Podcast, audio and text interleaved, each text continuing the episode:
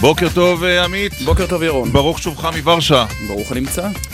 אנחנו נדבר קצת על מסעך לוורשה, אבל נדמה לי שזה יהיה רק בשעה השנייה. לא נראה לי אה, שיהיה של זמן בשעה הראשונה. לא, בשעה הראשונה. הריאיון מחולל הסערה שנתן המפכ"ל רב ניצב רוני אלשיך לאילנה דיין אה, אמש בעובדה, גם העיתוי, ימים אחדים לפני אה, העברת המלצות המשטרה בתיקי נתניהו מעלה תהיות. אנחנו נדבר עם אה, יושב ראש הקואליציה, חבר הכנסת דודי אמסלם, עורך הדין דנה ויצחק, עם משפטנים, עם כתבי משטרה, גם על העיתוי, גם על התוכן של הדברים שאמר המפכ"ל. לפני כן בעובדה הייתה כתבה אחרת, והכתבה הזאת עסקה ביעקב פרי והביאה להתפטרותו של חבר הכנסת מיש עתיד עוד בטרם, עוד בטרם אה, שודרה הכתבה. אנחנו נדבר עם עמרי אסנהיים ועם עופר שלח מיש עתיד בתגובה ראשונה. תגובה ראשונה, כן. אמ, ולא רק הנושאים כבדי המשקל האלה הבוקר בתוכנית, סוגיית מקום החנייה השמור לקונסול הכבוד של איי מרשל, איש יחסי הציבור, יועץ רני רהב, כבר הפכה לפרשה של ממש. אנחנו לא נשאל כאן על החנייה, אבל מה תפקידו של קונסול כבוד, ואיך מגיעים לכיבוד הזה בשעה השנייה של התוכנית הבוקר בדקל סגל. וגם אדם מהיישוב ברבע ל-11 ושיחה בהפתעה ברבע ל-10. כרגיל. מי יהיה שם בשיחה בהפתעה? לא יודעים, אבל אמרו לנו שזה יהיה מעניין הבוקר. נקווה לטוב. ענבר טוויזר, הילה פרץ, אה, אילן ליאור, קיקו נדב. קיקו נדב, הצוות שעושה איתנו את התוכנית, מעכשיו ועד אה, 11 כאן בגלי צה"ל. מתחיל.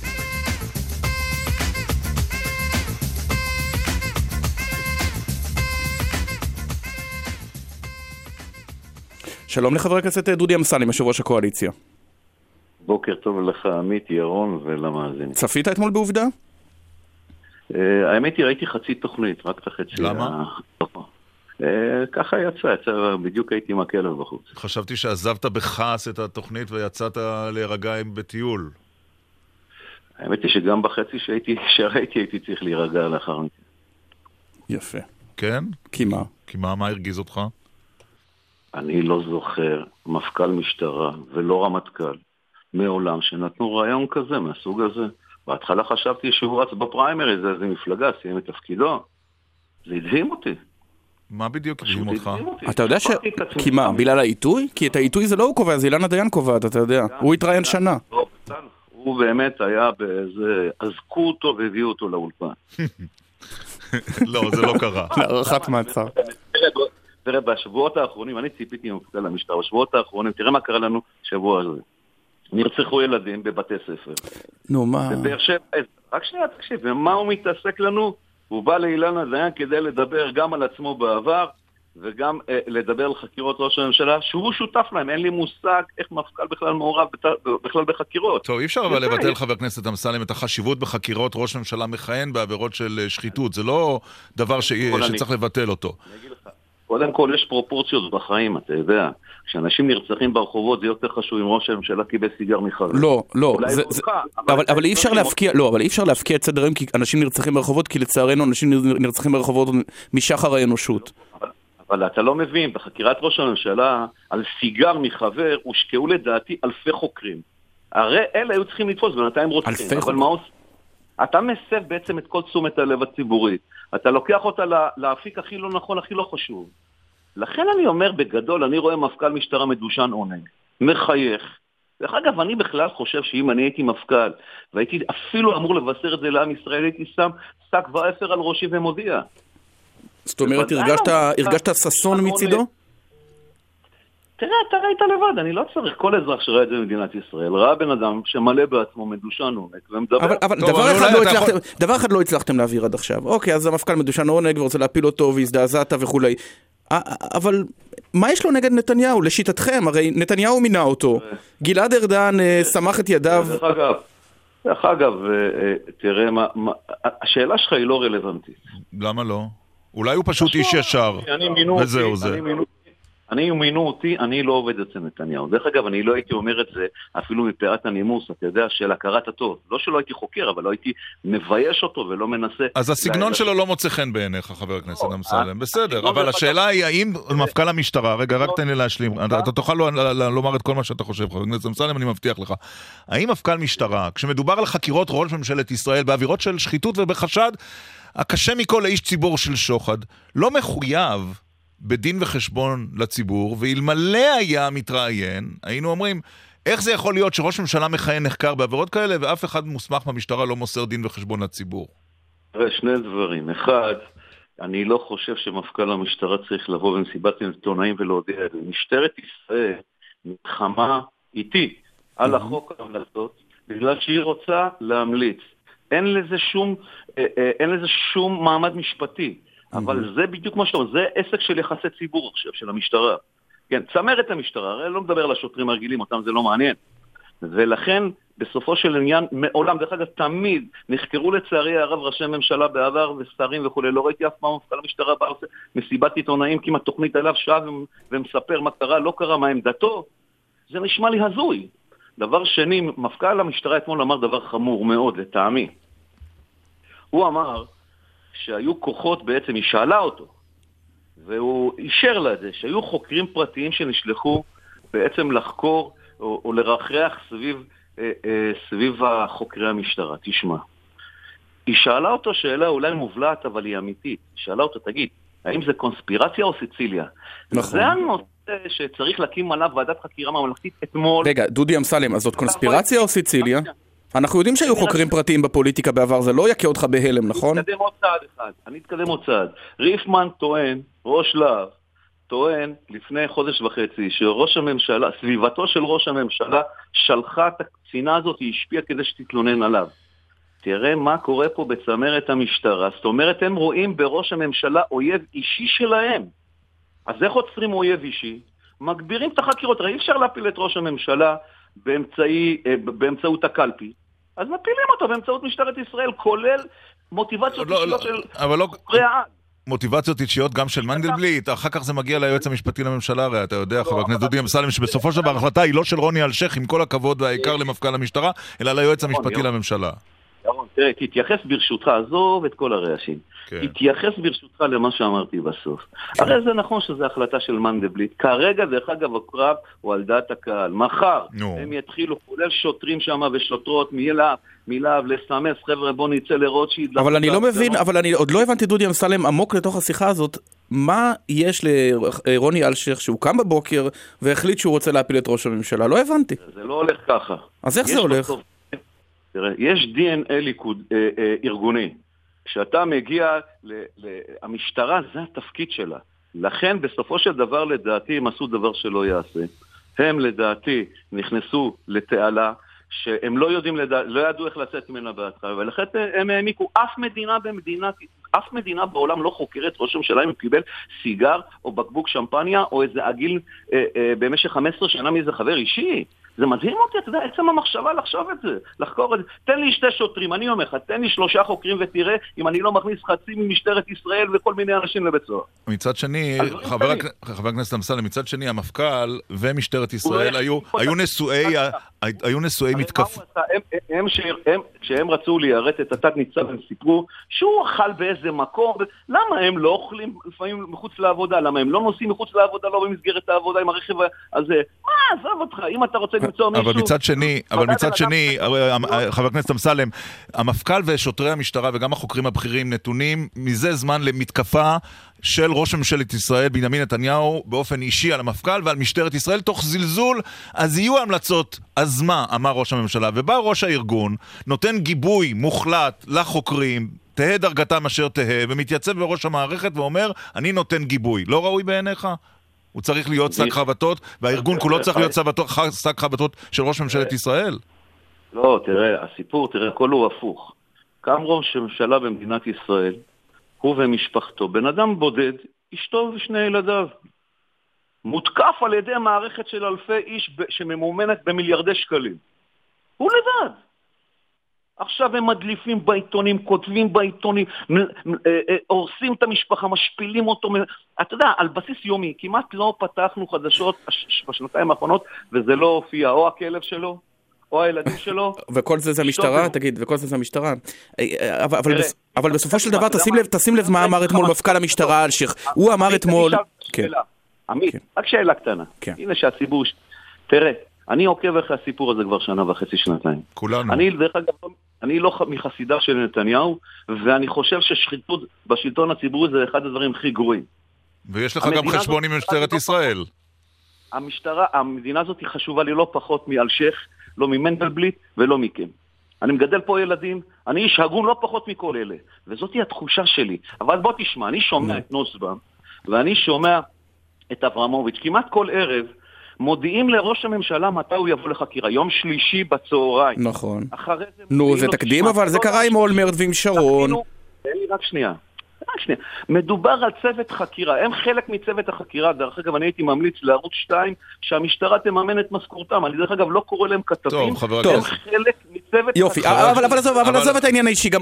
גם לך יש? עניין אישי, רגע? לא, אם? יש עניין אישי, גם לך, חבר הכנסת אמסלם, יש עניין אישי עם המשטרה, בוא נזכיר גם את זה, צריך לזכור את זה. לא, לא חשוב. תראה, דקל, אני, אין לי שום דבר אישי עם משטרת ישראל, נהפוך הוא. אהה. אני חושב שמשטרת ישראל בגדול ארגון חיוני, חשוב, חשוב מאוד, חזרתי על זה מאות פעמים, עשיתי בוועדה אה, עשרות דיונים על זה, בגלל שבלי משטרה איש את רעהו חיים בלעו. יש לנו כאן אה, אה, גן, אה, אה, אה, אה, גן החיות התנ"כי בחוץ. זה ברור לך, אבל במשטרה צריכים גם לעשות תיקונים. כדי שהגוף הזה, אני לא אמרתי, המפכ"ל אמר צריך לשקם את אמון הציבור במשטרה לפני כמה ימים בכנסת. זה לא אני אמרתי, זה הוא אמר, אז הוא מבין מכך שאמון הציבור במשטרה נפגע מאוד. חלק מזה לדעתי ההתנהלות של המשטרה בשנתיים האחרונות. זה לא הגיוני מה שקורה פה. שהחוקר הראשי של ראש הממשלה אומר שראש הממשלה או מישהו מסביבתו שלח את הקצינה להתלונן עליו. אז אני שואל אותך שאלה בכל דבר רגיל. אתה לא השאלה היית אבל אם זה לא ניסיון להסיט את הוויכוח, את הדיון, מההמלצות עצמן. מההמלצות עצמן ומהחשדות לא שבהן נחשד ראש הממשלה לסוגיה אה, כמו אה, ריטמן, אבל- אבל חוקרים. אני רוצה לשאול שאלה.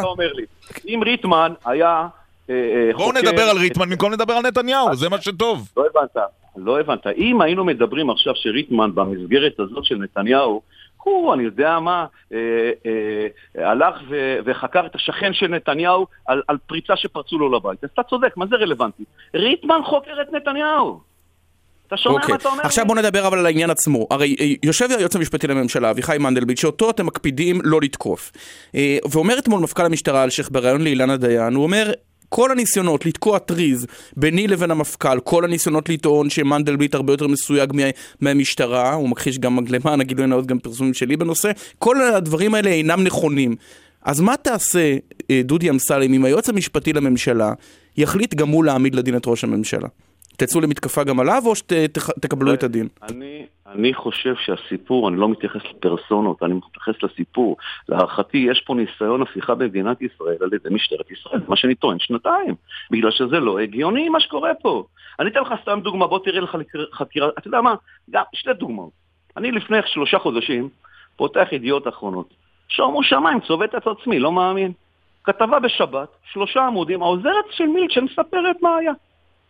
הרי אם זה היה דוד אמסלם באמצע חקירה, למחרת ארבע ניידות, לוקחות אותי ישר לקלבוש. זה שיבוש הליכי חקירה, אני אפילו לא יודע איך להגדיר את זה. הכל בסדר. איך את החוק, יש חוק ישראל היום, חתמו עליו למעלה מ-40 ח"כים.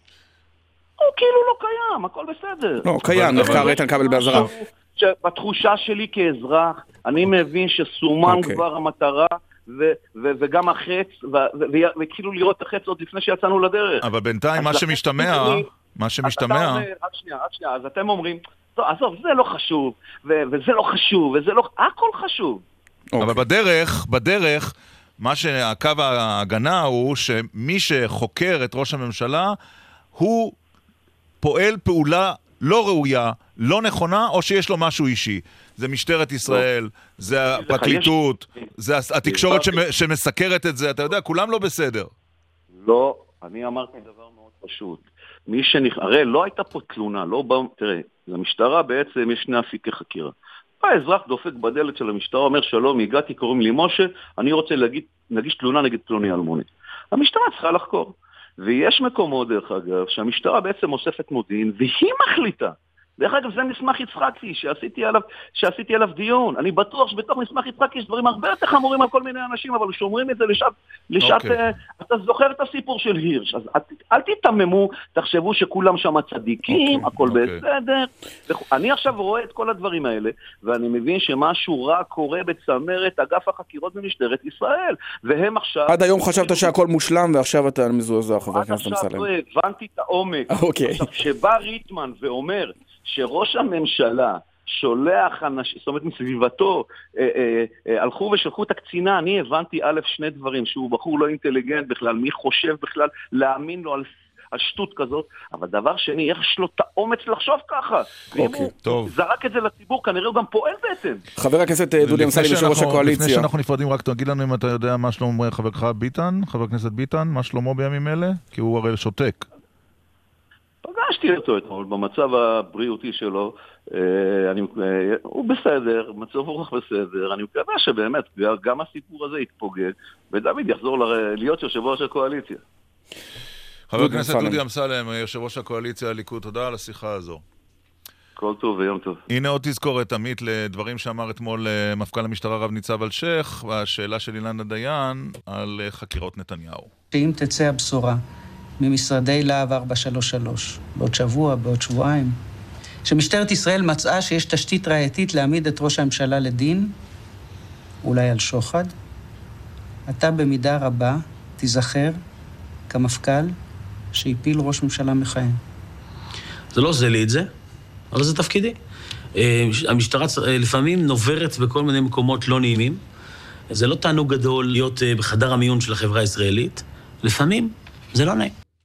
זה קטע מהראיון אתמול. עכשיו אה, עמית איתנו אה, שניים שעוקבים, אה, איך נאמר, יום-יום ושעה-שעה אחרי החקירות על הסתעפויותיהן השונות. קודם כל, שלום לגיא פלג, חברת החדשות. בוקר טוב. ברוך קרא חדשות 10. בוקר אור. גיא, מה חשבת על הראיון של רוני אלשיך? שאלתי את עצמי, שאלתי את עצמי למה הוא עושה את זה. הרי כל השיטה של משטרת ישראל, של החקירות, עובדת על ריחוק. על כך שהחוקר והנחקר, החוקר לא תופס, לא לוקח באופן אישי את הנחקר. הוא שומר על ריחוק, ולאורך שנים ראינו שהם הצליחו לא רע. לקצב אין גרם של טענה ליואב סגלוביץ', הוא לא חושב שהוא רדף אותו באופן אישי. לאולמרט אין טענה לשלומי אילון, שהיה אז ראש יח"א שהשתתף בחקירות שלו. שאלתי את עצמי למה המפכ"ל זורק את עצמו לזירה ועוד בעיתוי כזה. ואחר כך כששמעתי את התגובה של ראש הממשלה, אמרתי ראש הממשלה צודק. ראש הממשלה צודק. ככה.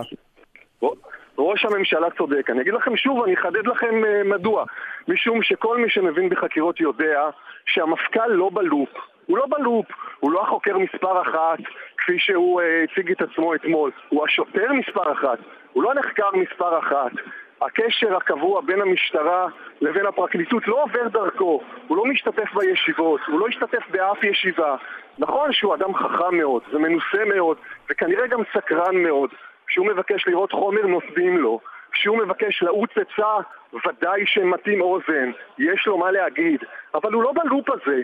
כשהוא אומר, אנחנו לא פנינו ליועץ המשפטי לממשלה וביקשנו לחקור את ראש הממשלה בפרשת הצוללות, הוא לא מדייק, כי גם כשתגיע פנייה כזאת, היא לא תגיע באמצעותו. ברור. ואחרי כל הדברים האלה שאני אומר, אני שואל את עצמי, למה הוא מנסה למצב את עצמו כאילו זה הוא נגד נתניהו? והתשובה שלך... שזה, כן. זה לא... שזה, שזה לא המצב. והתשובה ש... כן. אני אמרתי לעצמי בהתחלה, זה רק עניין של אגו. הוא פשוט רוצה להראות שהוא הכי חזק, שהוא קובע שהוא שולט. אבל אז נזכרתי בפרסומים אחרים שהיו, שאני מודה שעד אתמול חשבתי שהם הזויים. כאילו שיש לו איזה שהן שאיפות ציבוריות, פוליטיות אולי. אמרתי לעצמי, אולי זה הסיפור. ברוכי, מה אולי התשובה של-. מה התשובה למה הוא שלך? רוצה לזרוק את עצמו למערכה? ברוכי. אז קודם כל, קודם כל אני מסכים שזה מאוד מאוד חריג שמפכ"ל בכלל נכנס ל, אה, בצורה כל כך אה, חזקה לסיפור של חקירות, אה, אה, חקירות אישי ציבור. הוא בדרך כלל לא מעורב בדברים האלה, היו כאלה שבאופן מוגזם לא היו מעורבים, אני חושב שדווקא טוב שמפכ"ל כן יהיה קצת מעורב וייתן גיבוי לחוקרים.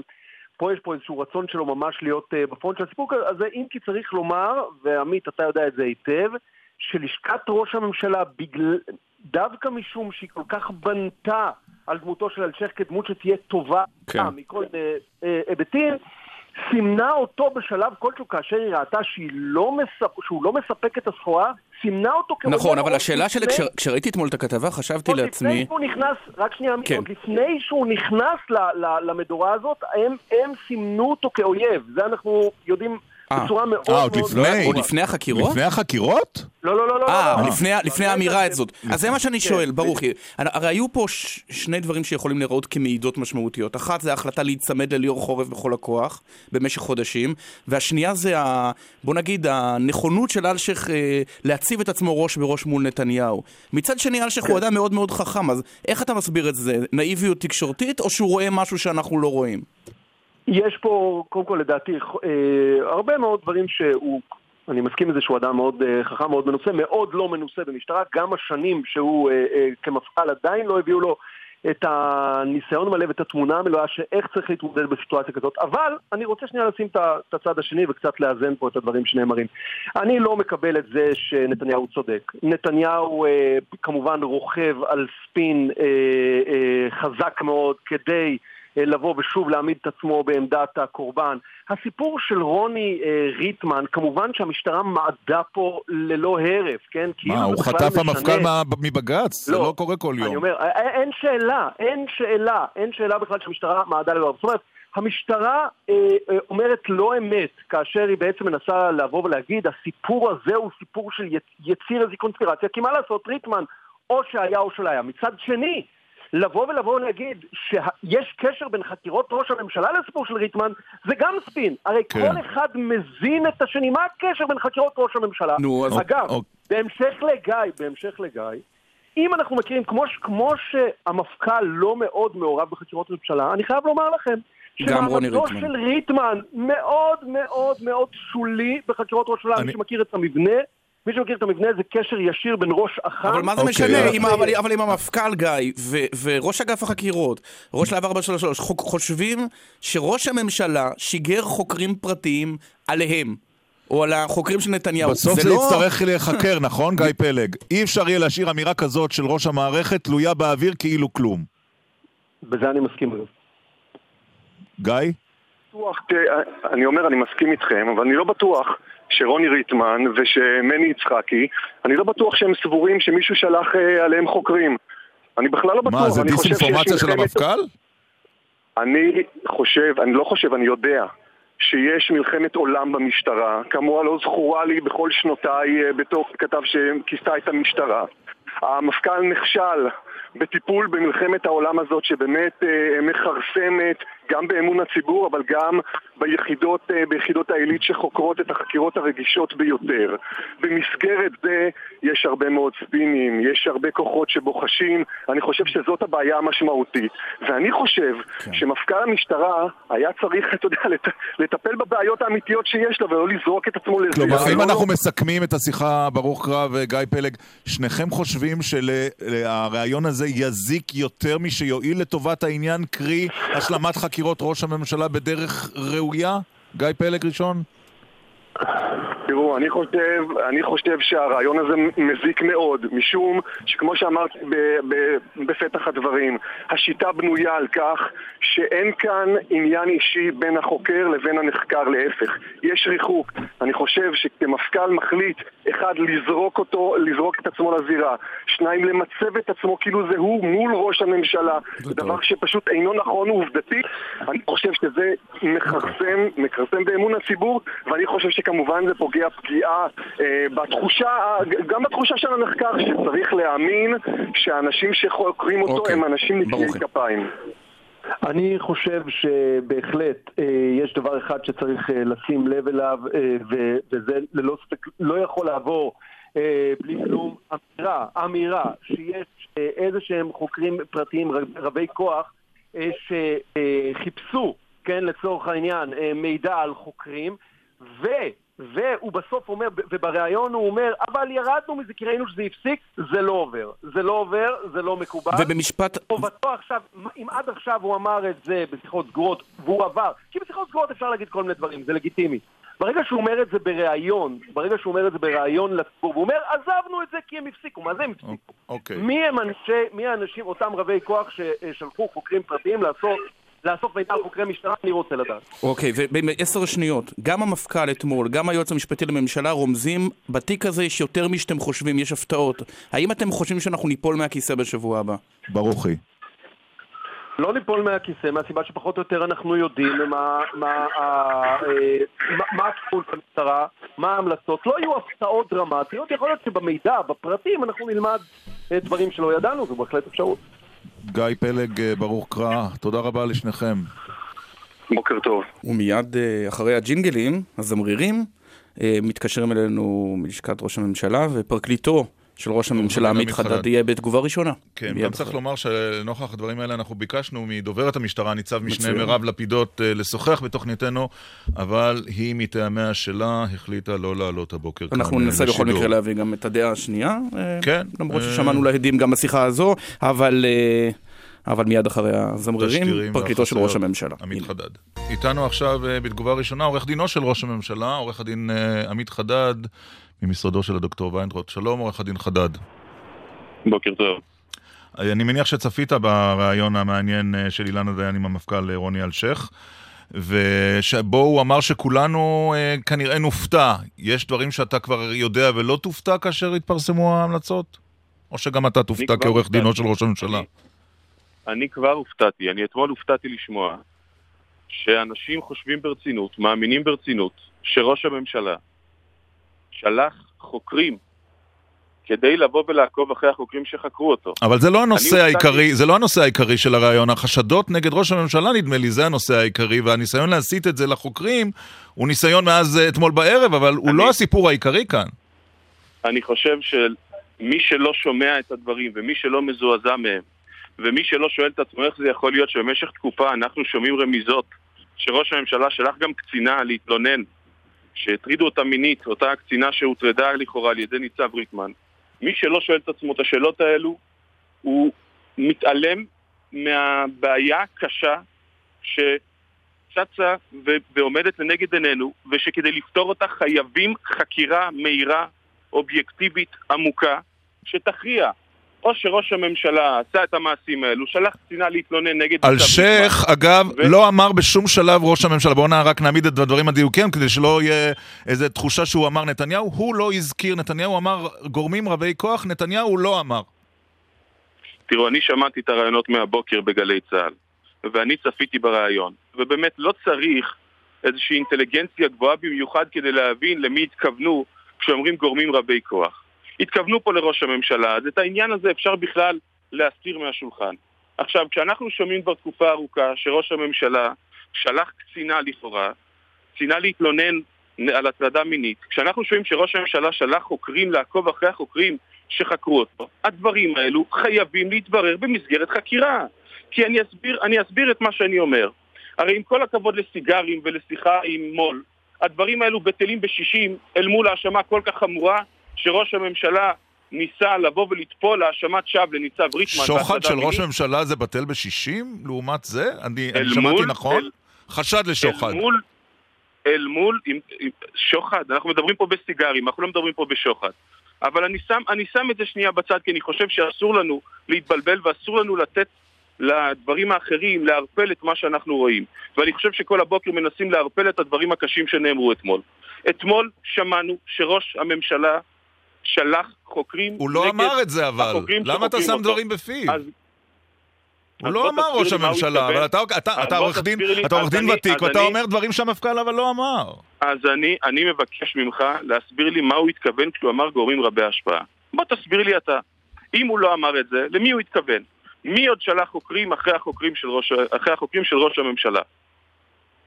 אם, אם הדברים כל כך פשוטים לך, אם מה שאני אומר הוא לא נכון, בוא תציע לי תזה אלטרנטיבית למה התכוון המפכ"ל אתמול בריאיון שלו. באמת. הרי הדברים הם כל כך פשוטים, אבל הם כל כך פשוטים והם כל כך מכעיסים. וזה מבטל את חקירת תואר, המשטרה בשנה תואר... האחרונה, אתה אומר בעצם עורך הדין חדד. לא, אני חושב שתואר החקירה נפגע פה. אני חושב שכאשר מי שעומד בראש היחידה החוקרת מאמין, או לפחות נותן לנו להאמין, נותן לנו לחשוב שהוא מאמין, שראש הממשלה שלח קצינה כדי להגיש תלונה נגדו על הטרדה מינית, אז אני חושב שיש פה בעיה שהיא מחייבת הסקת מסקנות. או שראש הממשלה באמת עשה את הדברים האלו, ואז המסקנות חייבות לבוא מהצד שלנו, או שמה שנאמר פה הוא לא נכון, ואז המסקנות חייבות להגיע מהצד השני. מה זה חקירה, עמית חדד? מה זה חקירה? מה אתם דורשים? אני לא מבין. שהמשטרה תחקור? מי, אמור לחקור את זה? אני, אני לא יודע מי אמור לחקור את זה, אבל זה ודאי דבר שלא יכול להישאר ככה. זאת אומרת, ראש הממשלה, לא... ראש הממשלה בנימין נתניהו עומד לבקש לדרוש חקירה בלתי תלויה, שופט בדימוס, מישהו אחר, שיבדוק את הטענות. האם ראש הממשלה מתחייב להתפטר אם יתברר שהוא שכר חוקרים פרטיים?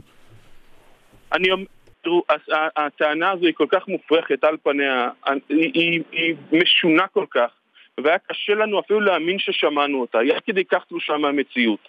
אבל בוודאי שנדרשות הסקות, מסקנות ומסקנות חמורות משני הצדדים. או שהדבר הזה נכון, ואז המסקנות החמורות צריכות לבוא מהצד שלנו, או שהדבר הזה לא נכון, כפי שאנחנו טוענים. ואז ואני מה? חושב שכל בר דעת, כל בר דעת לא מעלה בדעתו שראש הממשלה שלח קצינה להתלונן שריטמן הטריד אותה מינית לפני כמה שנים. ואז אני מה? חושב שכל בר ואז מה? ואם יסתבר שראש הממשלה לא שכר חוקרים פרטיים, יצא השופט בדימוס אנחנו- רובינשטיין ויגיד בדקתי, סתם אה, אה, אה, מדמיין, בדקנו בוועדה אני- בלתי תלויה וזה לא בנימין נתניהו ולא יהיו חוקרים פרטיים, מה אז? אז אני שואל אתכם, מה זה אומר על החקירה? מה זה אומר על תואר החקירה? מה זה אומר על ההמלצות? אם מי שעכשיו מנסח את ההמלצות מאמין שראש הממשלה שלח קצינה שלמעשה בסופו של דבר גם מוציאה אותו מהתפקיד, מה זה אומר על ההמלצות? האם אתה היית רוצה שמישהו ינסח המלצות בעניינך כשהוא מאמין שאתה עשית לו סיכון ממוקד? אוקיי. האם אוקיי. אתם הייתם רוצים דבר כזה? היועץ לא, המשפטי שאלות- לממשלה אתה סומך, או רק על המפכ"ל אתה לא סומך? אני סומך על כולם. זה לא עניין של, של סומך או לא סומך. זה כי- עניין של דברים ששמענו אתמול, ודברים שאנחנו, הרי תקופה ארוכה אנחנו שומעים את השמועות האלו, ובאמת, אנחנו התעלמנו מהן כל הזמן, לא האמנו גם שהן נכונות. שמענו כתבים, אפילו כתבים בכירים, כמו, כמו אחד מהאנשים שמראיינים אותי עכשיו, שמספרים את הדברים האלו, ובאמת שלא האמנו. לא העלינו בדעתנו שדבר כזה יכול לקרות. והנה, מפי, מפי, מפי המפכ"ל בעצמו, אוקיי. כן. אנחנו שומעים את הדברים האלו, אה, אז תס- ולא יכולים להישאר אדישים. אני חושב שאסור לכל אזרח במדינה תגיד, להישאר אדיש. יפה, יש פה- אסור יש להישאר אדיש. אין, אין ספק, את זה אמרת כבר, אני רק רוצה לשאול אותך. המתלוננת נגד אה, ריטמן, אותה קצינה צדיק, היא נפגשה גם איתך. מדוע? מה זאת אומרת מדוע? מדוע? איך קרה מכל? עורכי הדין שבעולם, היא פוגשת דווקא את פרקליטו הנאמן והמוכשר של ראש ממשלת ישראל? אני לא הצגתי את צדיק. זה דבר שוודאי ידוע לך. מעולם לא הצגתי. אז למה נפגשת איתה? יעצת לה? יעצת לה? היא, אני אפילו לא יעצתי לה. היא באה לפגישה במשרד, אני אמרתי שאנחנו לא יכולים לטפל בעניינה, ואפילו לא הפניתי אותה לעורך דין אחר. הניסיון, הרי, הרי זה בדיוק דבר של עולם הפוך. היא באה אליי ואנחנו אמרנו שאנחנו לא יכולים לטפל בעניינה, שוב, כי אנחנו למעשה מטפלים הרבה פעמים בתיקים מול להב 433, וזה לא נכון שאנחנו נטפל בעניין כזה רגיש, ובזה סיימנו את הסיפור איתה. אחר כך, חודשים ואפילו יותר מזה, אחר כך אנחנו שומעים שיש אוקיי. טענות שראש הממשלה שלח אותה. איזה מין מציאות משונה זאת? אוקיי. איזה מין אבל אתה צריך להודות. עורך הדין חדד, אתה צריך להודות שהמפכ"ל, הדברים שלו נפלו לידיכם כפרי בשל. כי הבוקר, גם בגלי צה"ל וגם במקומות אחרים, במקום לדבר על השאלה אם 350 אלף דולר זה מתנות בין חברים או שזה ממש לא מתנות, אנחנו מדברים על הנושא שהמפכ"ל העלה גם ריטמן, וגם השאלה אם יופעלו חוקרים כלפי קציני משטרה, האשמה שאתמול העלה מפכ"ל המשטרה, שזה הרבה יותר נוח גם לכם, אז אתם צריכים לברך את המפכ"ל על כך שהוא התראיין אתמול. אני, אני, אני, אני לא מברך ואני לא, עושה, ואני לא עושה פעולה אחרת. אני מסתכל על מה שהיה אתמול. אנחנו הרי לא זימנו לעצמנו את הרעיון בעובדה שכבר נערך בשנה האחרונה. אנחנו לא ידענו מה יהיה בתוך הרעיון הזה ואנחנו לא שתלנו מילים בפיו של המפכ"ל. אנחנו מגיבים לדברים שאנחנו שומעים. ואנחנו שומעים האשמות חמורות, והאשמות חמורות כאלה אוקיי, צריכות לא להישאר. יכולות להישאר ללא מענה. והמענה פה הוא מענה אחד. אגב, אה, חקירה בלתי תלויה, אובייקטיבית, מהירה, שתכריע. את הנושא הזה. אגב, אתם הולכים. לש... אתם הולכים לפנות רשמית, או שזה יישאר כפנייה מעל גלי האתר? אנחנו נשב ונחשוב, אוקיי. ואז נעשה. אנחנו לא פועלים בדרך של נעשה ונשמע, אנחנו קודם כל נשמע שומעים ונעשה. ואחר כך עושים. שתי שאלות לסיום. שאלה אחת, אה, כשאותה צדי נפגשת איתך, הרי היא לא פורצת למשרד ואוזקת אתכם, היא קובעת פגישה מראש. נו. כן, רק שלא היה לי מושג מה נושא הפגישה. אבל ידעת מי היא, לא? שהיא המתלוננת נגד אה, אפילו, ריטמן. אפילו, אפילו את זה, אפילו את זה לא ידעתי. אפילו את זה לא ידעת? אוקיי. שוב, ושאלה הדברים- שנייה, הדברים האלו, ו- ושאלה שנייה בכל זאת לגבי הסיגרים. תראה, אם אני הייתי ראש הממשלה, אל תיעלב, אבל הייתי מפטר בבושת פנים את הפרקליטים שאמרו לי לפני כמה שנים שאני יכול לקבל סיגרים אה, בחינם. אני לא יודע אם זה היה ויינרוט או ויינרוט ואתה, אבל תראה, אפילו לשיטתכם, אפילו אם זה ייגמר בסוף בלי כתב אישום, תראה בגלל העצה שלכם, עצת אחיתופל, ראש הממשלה כבר נקלע לשנתיים שמשתקות את פעילותו, שמטילות צל כבד על שלטונו. אולי אתם צריכים להגיד לו, אדוני, אסור לך לקבל סיגרים. תראו, יש, יש במד- במדינת חוק, יש מה שמותר ויש מה שאסור. מה שמותר הוא מותר, ואי אפשר להפוך אותו לאסור. ומתנות מחברים מותר לקבל נקודה. כן, אבל אסור להתעסק בעניינים לקחת- של חברים. כל- אבל אסור להתעסק בעניינים של ניסיון- חברים. כל ניסיון לבוא ולקחת את הסיגרים האלו, שהם חילופי מתנות לגיטימיים בין חברים, ולהפוך אותו באיזשהו ניסיון שוחדי, או לשוות לאיזשהו מימד שהוא לא. פסול, גם זה ניסיון לא, אבל, אבל עורך דין חדד, אבל עורך. דין חדד, אם, אם, הרי- אם הרי ארנון מילצ'ן הוא חבר שלו, פה. אני לא מזלזל חלילה בזה שארנון מילצ'ן חבר שלו, אבל אם הוא חבר שלו, אז אתה יודע באותה מידה שכמו שמותר לקבל מתנות מחברים, אסור לדון בעניינם של חברים כשאתה פקיד ציבור בכיר. בוא נראה מה ראש הממשלה עשה בעניינו של ארנון מילצ'ן. הוא ניסה לסגור את ערוץ 10 על האצבעות שלו. את זה, את זה כולם יודעים, הרי כינו את ראש הממשלה בכל מה שקשור לערוץ 10 כמעט בשם הלך המוות של הערוץ. אני זוכר את החשכת המסכים, ואיך כולם באו ואמרו שראש הממשלה בכל הכוח הולך נגד ערוץ 10. וערוץ 10 מוחזק על ידי החבר שלו, כמו שאתה עכשיו אומר. אז אני לא מצליח להבין גם את הטענה הזאת. אז הוא בא, הוא בא להיטיב עם, עם החבר שלו. אתה לא מתחרט על העצה שנתתם לנתניהו? קח סיגרים כמה שאתה רוצה? כמו שאני- שומע, אין חרטה כאן. זה, אין פה עניין של חרטה, יש שאלה של מותר ואסור. במדינה דמוקרטית, מה שהוא לא אסור הוא מותר. ולקבל מתנות מחברים זה דבר שהוא מותר. בכלל ניסיון לבוא ולהסתכל על האירוע הזה במשקפיים של שוחד הוא ניסיון שהוא כל כך קשה, הוא כל כך לא נכון, ולכן גם אין לנו ספק שבסוף כשהחומרים ייבדקו בעיני, בעיניים נוספות, בסופו של דבר ייקבע שלא נפל רבב אפילו במעצר של ואתה, ראש הממשלה. בשבוע הבא כשיוגשו המלצות, אם זה אכן יהיה, יהיה בשבוע הבא, אנחנו נקבל אה, פחות או יותר מאותו דבר, מתקפה חזיתית נגד המשטרה, או שזה אולי יעלה עוד רף מעבר למה שאנחנו שומעים? אנחנו, אנחנו, תוקפים, אנחנו תוקפים חזיתית את ראש הממשלה, את, את המפכ"ל. אתם מתח... אנחנו תוקפים ראש הממשלה חזיתית- תקף את המפכ"ל אנחנו- ראשון, כן? אנחנו תוקפים חזיתית את המשטרה, בהחלט. אנחנו... זה, התשובה היא זה כן, פשוט חד משמעית עם שני סימני קריאה. מה עשה ראש הממשלה? זה עיוות של המציאות. מה אוקיי. שראש הממשלה עשה... אז מה המציאות שאני רואה ואתה רואה היא שונה. מה שראש הממשלה עשה זה לבוא ולהצביע על נקודה שהיא נקודה בעייתית מאוד, שאתמול צפה במלוא עוזה ובמלוא הדרה במרכאות, כן. שאנשים בכירים במערכת אכיפת החוק חושבים שראש הממשלה ניסה לעקוב אחריהם, ושאנשים אחרים חושבים שראש הממשלה אוקיי, ניסה לטפול, אוקיי. לטפול עליהם האשמות שווא. דרך אגב, לגבי אותה קצינה, צריך לומר מה שאמר בג"ץ בנושא הזה לאחרונה. כן, כן, זה כן. לא איזה האשמות שווא. לכן בכלל ניסיון לבוא ולייחס את זה לראש הממשלה, ברור. הוא ניסיון מבהיל. ואנחנו, במקום להיבהל ממה שאנחנו רואים פה, אנחנו מנסים לבוא ובכל זאת לראות איך הופכים את זה על ראש הממשלה. בכל זאת הוא תקף את... אה. בליכוד הוא תקף את משטרת ישראל, אני חושב שעל זה אין מחלוקת.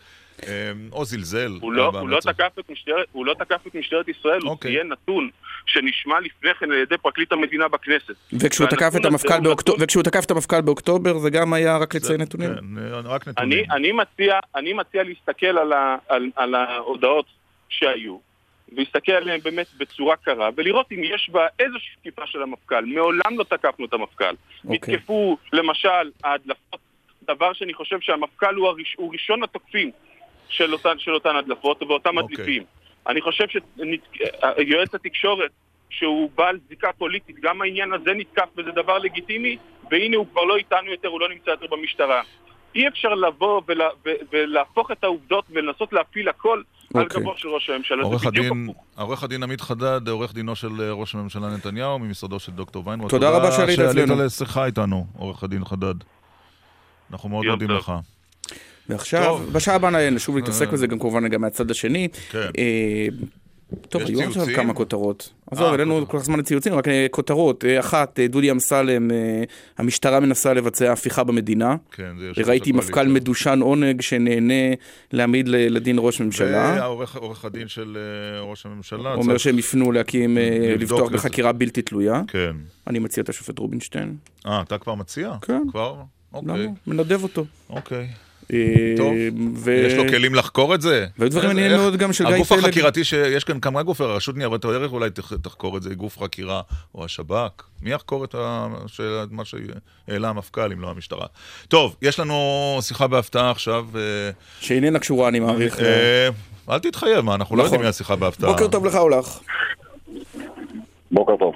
קשור לענייני נתניהו? ריט- ריטמן אולי? נתניהו, אלשיך? אה, בעקיפין, עוד בעקיפין? בעקיפין, אוקיי. מאוד. מאוד. אוקיי, זה הקול. האמיתי- זה הקול האמיתי שלך? מאוד בעקיפין. אה, מאוד בעקיפין. עם- touch. עם touch. זה מאוד- זה הקול האמיתי שלך? לא, אמר עם touch. הכל עם touch. אה, עם touch, אוקיי. וואה. אה, אומן?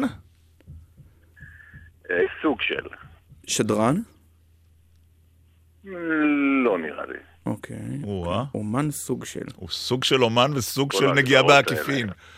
לא קוס- לא קוסם, נכון? זה לא לא קוסם. איי איי איי. אה, מה נעשה? אה, אתה חייב- לתת לנו איזשהו רמז. קטן. אמ, עוסק גם בנתניהו במקצועי. אוקיי. עוסק בנתניהו? אה, שף? שף עוסק בנתניהו? השף אה, שגב משה? כן. זה נכון, זה נכון. התשובה היא כן. יש. שפים שעוסקים. אה, ג- גם בשגב אה, משה אני עוסק אה, במקצועי. אבל אתה אה. לא עושה גב משה. לא. לא, לא, לא. אוקיי. לא, בעקיפין. וואו, זה מאוד קשה. רגע, רגע, רגע. ת- ת- ת- ת- תגיד לי בבקשה, כבר שני טוב... יודע? ל- אני חושב, שני טוב לכם וערב טוב. תשי, בוא'נה, מה, למה זה הקול שלי שהיה? זה לקח לי כמה שניות. כי הדבר הבא רציתי להגיד, זה אייל אני קיציס, עושה כן? גם לך מדי פעם. אה, וואה. יפה. איך זיהית עם הש... זה... לא, כי היה שם פתאום איזה מין טוויסט כזה. אה, זה אה. ארץ נהדרת היא. מה נשמע? בסדר, מה נשמע? מה שלומכם? וואו, אין לכם רגע דל, אה? אין רגע די. די, קצת זהו, אפשר להוריד על זה 30 אחוז, זה גם בסדר, יהיה לנו מספיק גם ככה. תגיד, זה אתה. צריך לעקוב מבוקר עד ערב אחרי החדשות, נכון, אייל? אבל הבעיה היא, אבל הבעיה היא שמה שעקבת היום כמעט יהיה לא רלוונטי בוודאות מחר. נכון, אז איך סוג עושים? אז מה. עושים? אז מה עושים? תחשבו, תחשבו איך אה, למשל ההשעיה של אורן חזן או התקיפה בסוריה או כל מיני דברים כזה, זה נראה כאילו קרה לפני חודש. נכון, נכון. נכון. אבל הכי קשה... רוצה להגיד לך שביום... כן, כן, כן. כן. כן, כן. לא, רציתי להגיד שב, שביום שני אין לי מושג מה הסערה הזאת שמתחוללת אצלנו היום, איך היא תיראה ומה יישאר ממנה, זה גם מדהים. אבל הכי קשה שבשמונה בערב אתם מכינים תוכנית ואז שעה לפניכם בחדשות פורצת אה, פרשת נכון. יאיר נתניהו או פורצת פרשה כזאת ש... שהופכת את, נותנת לסאטירה מרס טורקי. נכון, אגב, עם יאיר נתניהו, זה, אני חושב שזה הפרק שהכי הרבה פעמים שאלו אותי, תגיד, איך הספקתם אה, אה, לעשות איך את זה? הספקתם? אז זהו, אז היתרון שלנו היה שדמותו הייתה בפאנל בכל מקרה. אה. כי היה לו איזה סיפור יחסית זניח. כלומר פוקס, "שמאלני במק- זה בעברית קוראים לזה זה." פוקס, היה לנו פוקס. נכון. אבל אתם לא מוקלטים? ברגע... אנחנו מוקלטים, אבל אנחנו משהו כמו שעתיים לפני מסיים, אה. זהו, מצלמים. אין זמן לזה, זה יש זמן רק להרכיב את החלקים פחות או יותר. אני, אני תמיד תוהה כשאני צופה, מה הדמות החביבה עליך מכולם? אתה יכול לגלות לנו עכשיו בשיחה בלתי אמצעית זו? הדמויות, כן, שהיא בינינו. הדמויות שאני הכי אוהב זה הדמויות שכאילו מרשות לעצמן, אה, בעזרת כמובן השחקן שעומד מאחוריהן, אה, קצת אה, להיות משוחררות ולעשות שטויות ולדבר משהו מחוץ לטקסט שתכננו, ואז אני יכול גם לאלתר שאלות תוך כדי, ויש איזו חגיגה ככה שאתה מרגיש בבית שהיא קצת באנרגיות אחרות. אז זה דמויות מתחלפות האמת, כל פעם ששחקן מרגיש קצת בטוח באיזושהי דמות, אהה. אז הוא מרשה לעצמו ככה לעוף איתה. אז פואד אה, היה- עובר מאחד לשני. פואד נכון, ואיווט היו הגדולים בכל. הזמנים, אני חושב. לא, פואד, גם אמסלם וביטן עשו טוב. דרך. אמסלם וביטן היה אמסלם נפלא. וביטן הם אה, נכון. כוכבים. אה, אנחנו לא יכולים של- להתעלם מהפתיח החריג של ארץ נהדרת בעניין הגירוש המסתמן. אז אה, אל תתעלם. אוקיי, אז אני אשאל אותך... כי זה עורר תגובות. מעורבות מאוד. היו ששיבחו על האומץ, על האמירה הנוקבת, והיו ש- ש- ש- תגובות תגובות מעורבות, הפוכות. הטוויטר היה בעד והפייסבוק נגד. פשוט. כן, כמו, כמו, כמו תמיד, ב- כן. כמעט כל דבר שאנחנו עושים, ואני משער שזה גם אותם אנשים תמיד בעד ונגד. בסדר, נו, זה חלק מהעניין. לא, אבל אה, אה, בוא נדבר ברצינות על הפתיח הזה. תראה, הוא היה פתיח מאוד, אה, ברור שהוא עשה הרבה רעש, אבל 60% מהציבור הישראלי חושב שהם לא פליטים ולא מבקשי מקלט אלא מהגרי עבודה ותומך בגירוש שלהם. איך יכול להיות שאין אפילו אדם אחד בצוות של ארץ נהדרת, אחד, ממולי שגב, דרך קיציס, מה, הם מחויבים לאיזון קדוש? שחושב אחרת. לא, אבל רק אחד, אחד, לגיוון. אולי יש בדיחות מצחיקות מימין גם. כולם שמאלנים, למה כל- אין? כל, כל, כולם, גם הימנים שמאלנים היום, זה סתם, אתם יודעים, זה סתם איזו תקופה כזאת שהימין מרגיש, זה, זה שמאלנים שהם משחקים אותה ימנים.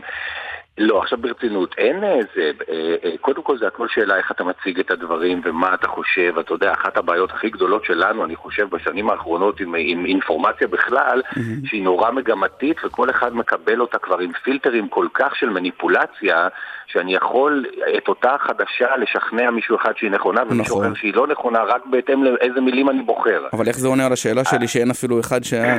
נגד, אה, שהיה בעד גירוש ה... אז מה שאני רוצה להגיד, אני לא יודע שיש אחד כזה אצלנו. וזה לא מפריע לך? אני חושב בגלל שאנחנו אנשים אה, הומניטריים אה, ונחמדים וסוציאליים וכל מיני כאלה, בלי שום קשר לדעות פוליטיות. לא, ספר לנו אבל איך... מה זה בלי קשר לדעות פוליטיות? יש אצלכם מישהו שהוא ימני? איך נולד הפתיח הזה? יש אצלכם מישהו שהוא ימני? שנייה, ירון. לא, אני לא חושב. מה, אתה צוחק עליי? עם אחד יש כמה. מי כן? למשל? בטח. אני לא רוצה לחסל לו את הפרנסה, אבל מי?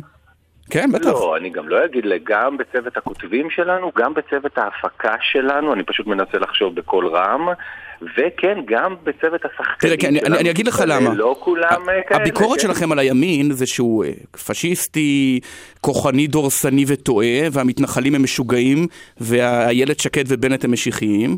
הטענה על השמאל היא אף פעם לא על העמדות, היא על זה שהוא רופס, עצלן, תבוסתני, לא באמת רוצה ללכת עד הסוף, אבל אף פעם לא עשיתם מערכון סאטירי על הדבקות נניח של השמאלנים בקדושת המשא ומתן עם הפלסטינים, למשל.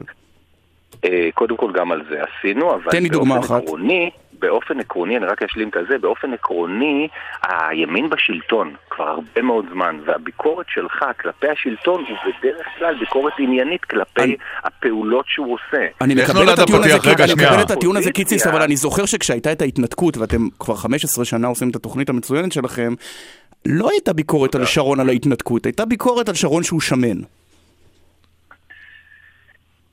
הייתו. אבל למה, למה אתה אוקיי, מצפה? תוכנית שמאלנית, אה, לא, לא, רק שיגידו את זה. מה הבעיה? נו, אז זו תוכנית שהיא בזו השמאל, מה הבעיה? קודם כל, קודם כל אני חושב שאנחנו, זה נכון שהרבה מאיתנו הם שמאלנים, ומן הסתם הדעות שלך זה הדעות שאתה רוצה שכל הצופים יהיו להם, וזה לגיטימי, אבל למרות זאת, ואחרי שאמרתי את זה, אני באמת חושב, ואני יודע גם איך מתנהלים הדיונים שלנו על כל דבר, זה שאנחנו מנסים, ואני מקווה שמצליחים, גם להיות הכי אובייקטיביים בעולם, וכן לבקר את שני הצדדים בביקורת לגיטימית אה, אה, לחלוטין. טוב, אני רוצה להבין רק דבר, שני דברים. קודם כל, איך נולד הפתיח הזה? של מי היה הרעיון? זרמתם עם זה מיד? התלבטתם? מאחורי הקלעים, שתף אותנו. זה, אה, אני, אני, אני קיבלתי את הרעיון ממולי, אז אני לא יודע אה. אם זה לפני זה הגיע מאיזה מקום אחר.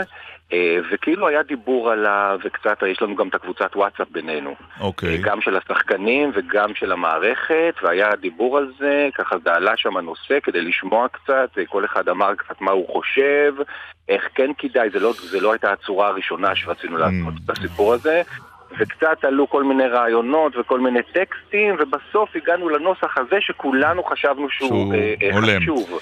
ואיך אתה כן, מתייחס כן. לביקורת סלאש מתקפה של ראש הממשלה לארץ נהדרת? אני מניח שהוא לא יושב וצופה בה, אבל לתקוף אותה מעת לעת, הנה, לאחרונה בעניין ניצולת השואה. אני חושב ש... טוב, שוב, שוב פעם, אתה יודע, זה, זה מדהים אותי איך אפשר לקחת חצאי אינפורמציות. של מה שהיה, ופשוט עד הסוף להיכנס עם זה כאילו כן, זה מה לא שנאמר. כי, כי, כי ב... לא, לא, לא, לא ישבו בכלל בינה לבין uh, חנה סנש, אלא זה סאטירה על יונתן גפן בכלל. ברור, ברור, אתה יודע, כן. ולדוג מתוך זה את המילים שמציירות איזושהי תמונה ועוד כבר, ולשים בחשבון שלך בתור ראש ממשלה ביקורת על זה, אבל אתה יודע מה? אם הוא לא היה עושה את זה, הייתי קצת נעלב, אני חייב להודות. הפיצול אה, לסיום שאלה האחרונה, אה, הצלחתם לעכל אותו? העובדה שאתם רק... אה, מחצית? עוד לומדים קצת זה, עוד לומדים קצת לחיות איתו. אתה מרגיש פחות תגובות ברחוב? אתה מרגיש... לא, לא, לא. תראה, אל תשכחו שגם אנחנו משודרים פעמיים, אנחנו משודרים גם ביום שני ואחר כך גם במוצאי שבת. כן, נכון. עם רייטינג גבוה מאוד. שבע בערב סידור כן. חוזר, זהו, ויחד אנחנו מגיעים לאיזה 30 אחוז, זה כאילו כמעט כי, לא נורא כי, שונה. יפה. אבל בטח שזה משהו אחר, אבל בטח שזה משהו אחר. קיציס, אני לקחתי, אני לקחתי, ואנחנו מנסים בכל כוחנו להיות אובייקטיביים. זאת הכותרת שלי. תודה רבה, אייל קיציס, היה כיף לשוחח איתך. תודה רבה רבה. ארץ נהדרת. ביי ביי. שיחה בהפתעה. ודקל סגל גם בשעה הבאה. עופר שלח, מגיב לראשונה. עופר שלח, תגובה ראשונה על התפטרות פרי.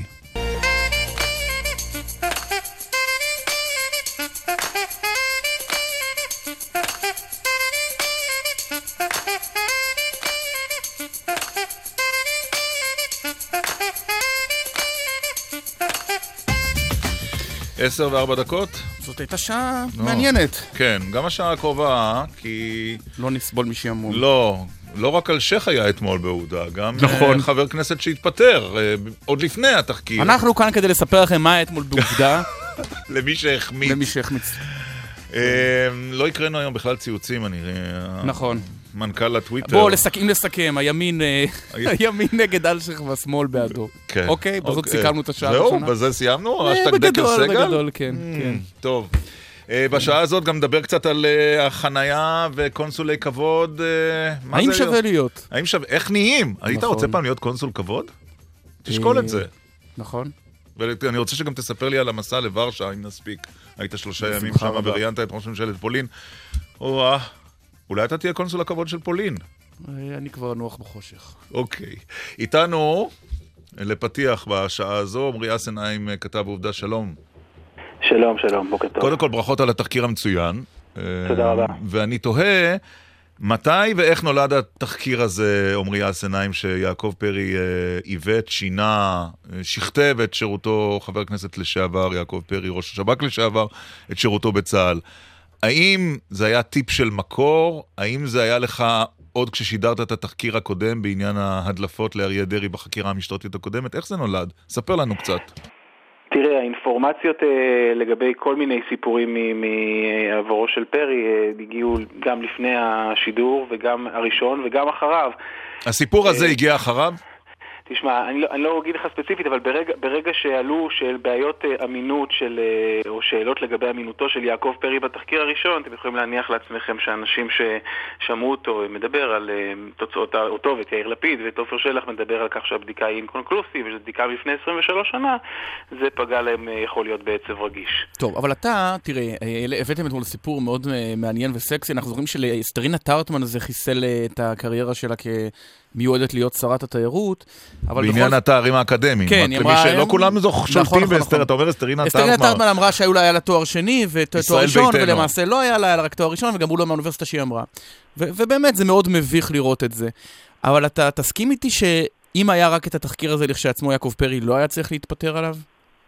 אה, אני לא יודע לגבי השאלה אם הוא צריך להתפטר או לא, אין לי מושג. תשמע, אתה, אני זוכר אה, תחקירים שלך מהעת האחרונה של אנשים שלדעתי, לדעתי אישית כאזרח, היו צריכים להתפטר ולא התפטרו.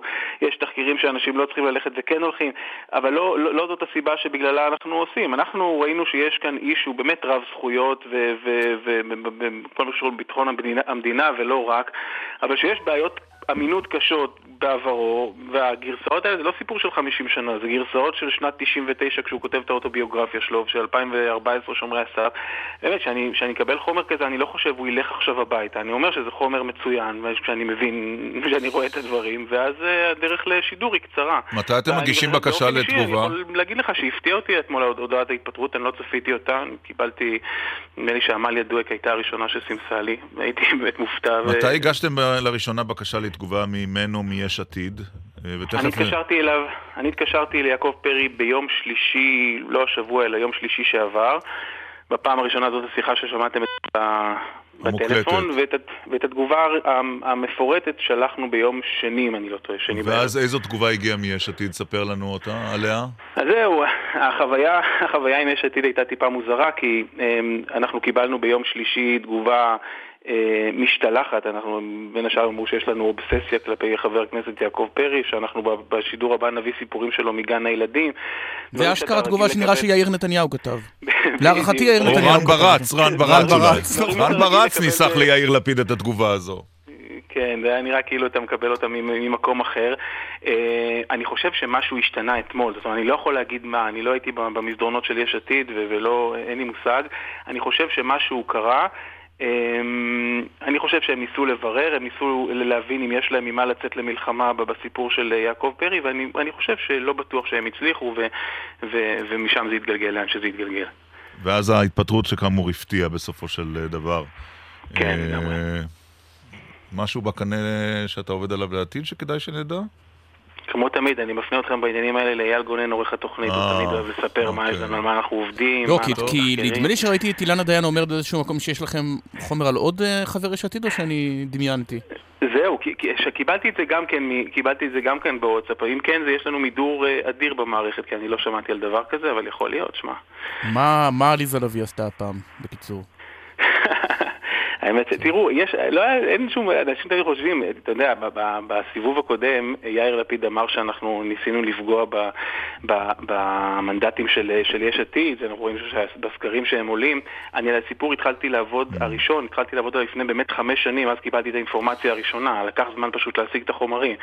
אז באמת כל העניין הזה, השיוך הזה הפוליטי, הוא, אתה יודע, עוד מימי נאווי וגנדי, הוא תמיד מצחיק אותי. כן. היה היום uh, ציוץ של ברק רביד מחדשות 10. אה, אגב, אילנה דיין אה, אומרת לנו שהיא לא, לא אמרה. האם יאיר לפיד היה... אז עליזה לביא יכולה לנוח. לא, אבל האם, האם יאיר לפיד... האם יאיר לפיד היה בצבא? במה בדיוק הוא לא, היה? לא, הוא היה במחנה. כן, אז יש טענות על גרסאות סותרות, שהוא אומר שהוא היה בשריון, וחלק טענה בנ"מ, והוא נפצע, ולא ברור אם זה היה...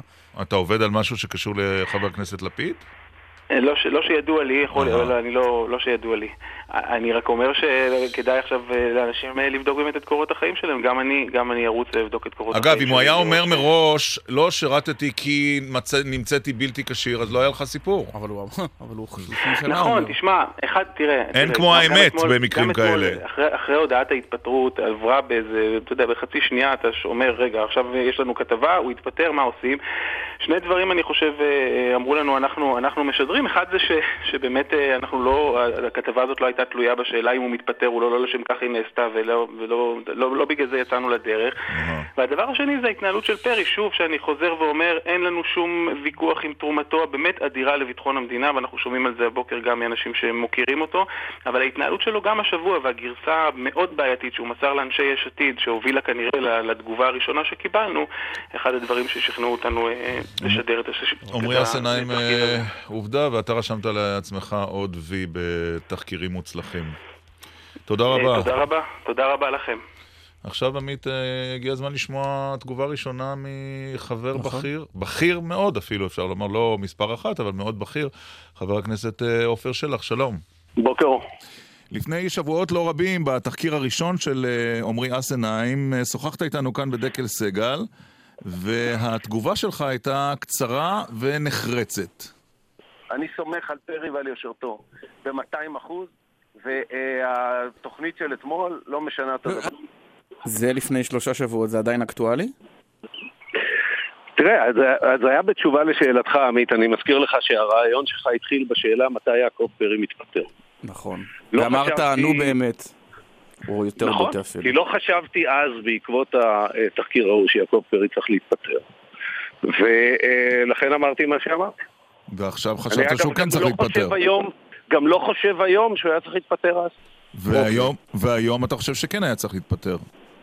תראה, פרי אה, הקדים את כולנו והתפטר. אה, בלי ספק שההצטברות של הפרשה הזאת אה, היא הצטברות בעייתית. ומכיוון שפרי הקדים את כולנו והתפטר, אז הוא חסך לי באמת את ה... לי, לנו, את האיסורים האלה, מפני שהאיסורים הם כפולים, הם גם מפני שעולים ספקות לגבי חבר לדרך, וגם מפני שבן אדם בן 74 ש... תרומתו לביטחון ישראל היא ייחודית, היא, אין הרבה אנשים שיכולים להגיד אותה, ופרשת חייו היא ייחודית. זה מאוד כואב לי ברמה האישית שככה מסתיימת הקריירה הציבורית שלו.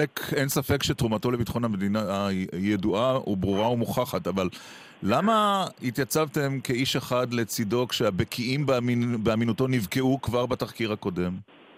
אני חוזר ואומר, השאלה, תראו,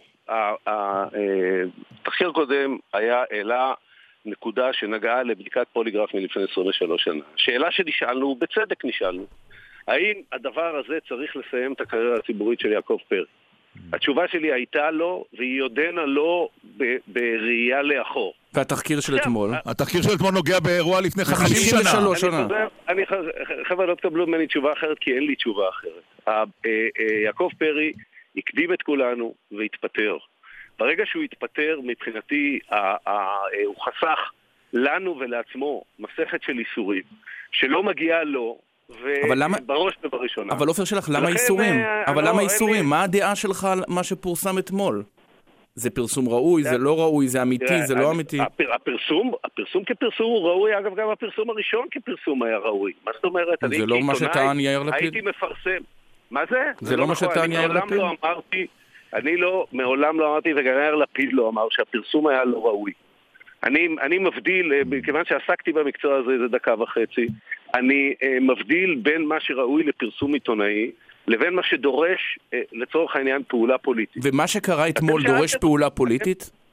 מה זה? מה שקרה אתמול דרש אה, פעולה פוליטית? כי אני קצת התרחשה- מבולבל.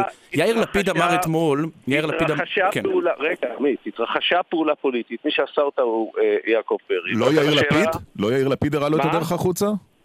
ב- אה, יעקב פרי בא ליאיר לפיד ואמר לו שהוא עוזב את הכנסת. כלומר, כל הפרסומים שיאיר לפיד היה זה שיזם את זה אינם נכונים. אני חוזר ואומר, מכיוון שהייתי מעורב בזה, כמו שאתם מתארים לכם, באופן אה, עמוק. כן. יעקב פרי בא ליאיר לפיד ואמר לו שהוא זה, עוזב את הכנסת. זה לא כמו האופוזיציה הסורית, להבדיל אלף אלפי הבדלות, שאנשים נמצאים שם אה, אה, לאחר שהתאבדו ירויים בגבם. אה, אה, עמית, כמו שאתה יודע, להבדיל מרוב האנשים, התהליכים ביש עתיד הם הרבה יותר אה, אה, ברורים, אנושיים וחבריים מאשר בכל מפלגה במדינת ישראל. ואני אומר אוקיי. לך את זה, שמע, אה, פרי, הוא, הוא, אני לא הכרתי את פרי לפני שנכנסתי לפוליטיקה. בחמש שנים האחרונות למדתי להכיר אותו, להעריך אותו, לסמוך עליו. וזה אה, בשבילי רגע לא... ברור. צר לי, אני איש עם הומור בדרך כלל, אין לי הרבה... אין לך, זה, זה באמת רגע עצוב, האמת, אדם בן 74 שהיה ראש שב"כ, זאת אומרת, אין חולק על ניסיונו הביטחוני, אבל אני רוצה, כיוון שאמרת שהיית בסוד העניינים, שתסביר לי משהו. כולנו ראינו את התגובה של אה, יאיר לפיד אתמול, שהוא אומר שיעקב פרי עמד בנורמות הציבוריות של יש עתיד בהתפטרותו. אז תסביר לי בבקשה, למה התגובה שאתם שולחים לעובדה כמה שעות קודם לכן היא כדלהלן? נמשכת האובססיה של התוכנית עובדה לגבי חבר הכנסת יעקב פרי, רק משום שהעז לטעון שהתחקיר שלהם היה פגום ורשלני. התוכנית עברה מסיפורים לפני 23 שנה לסיפורים לפני 53 שנה. האם בשלב הבא יהיו גם חשיפות מגן הילדים של פרי? תראה, אה, עמית, אני, אני, אה, אה, זה קצת לא נעים לי לעסוק באחורי הקלעים של דברים, ואתם שניכם מכירים את זה היטב, שיש להם התפתחות והתגלגלות. התגובה הזו נשלחה בשלב מאוד מוקדם, כשממש לא היה ברור על מה אנחנו מדברים. אז אוקיי? קצת מיהרתם. אני לא רוצה, אני לא רוצה להגיד... אתה יכול ביד- להגיד, אגב, אתה יכול להגיד, עופר שלח, טעיתי. ביד של מערכת עובדה, ואני אין לי טענות למערכת עובדה, בכלל אין לי טענות, אבל ביד של מערכת עובדה יש את התגובה שלנו כשקיבלנו את הסיפור המושלם, היא אחרת לגמרי, הם נכון. בחרו... זה בדיוק לעשות את הטענה שלי. ניסחת- הטענה אומרת...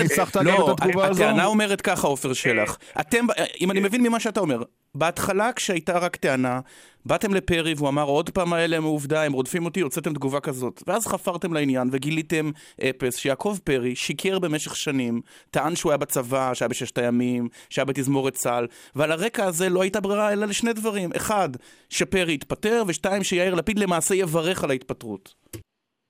אני, חלק ממה שאתה אומר הוא נכון, חלק ממה שאתה אומר הוא לא נכון. אני, אני לא, אני באמת לא רוצה להיכנס לדבר הזה, אבל אני רוצה להגיד אפרופו עניין הערכים, כן? אה, אה, הכנסת מלאה מפלגות שבהן יש אנשים שכבר שותקים, אני לא יודע כמה פעמים בחקירה, ששיקרו למבקר המדינה, ששיקרו. לא יודע, לציבור הישראלי, כולל אנשים ובהם אה, ראש ממשלה אחד שאני מכיר, שסיפרו מיני סיפורים על נגמשים ב... ב אה, אה, יום הכיפורים, אם אנחנו כבר עוסקים בשירות צבאי. וסיפרו את זה ליאיר לפיד, כן, אגב, ב- מה- בתוכניתו. מאף אחד, מה זה, כן, זה ליאיר. כן, כן, כן. אה, אה, אה, אה, ואף אחד לא אה, דורש מהם, אה, זאת אומרת, דורשים מהם דין וחשבון.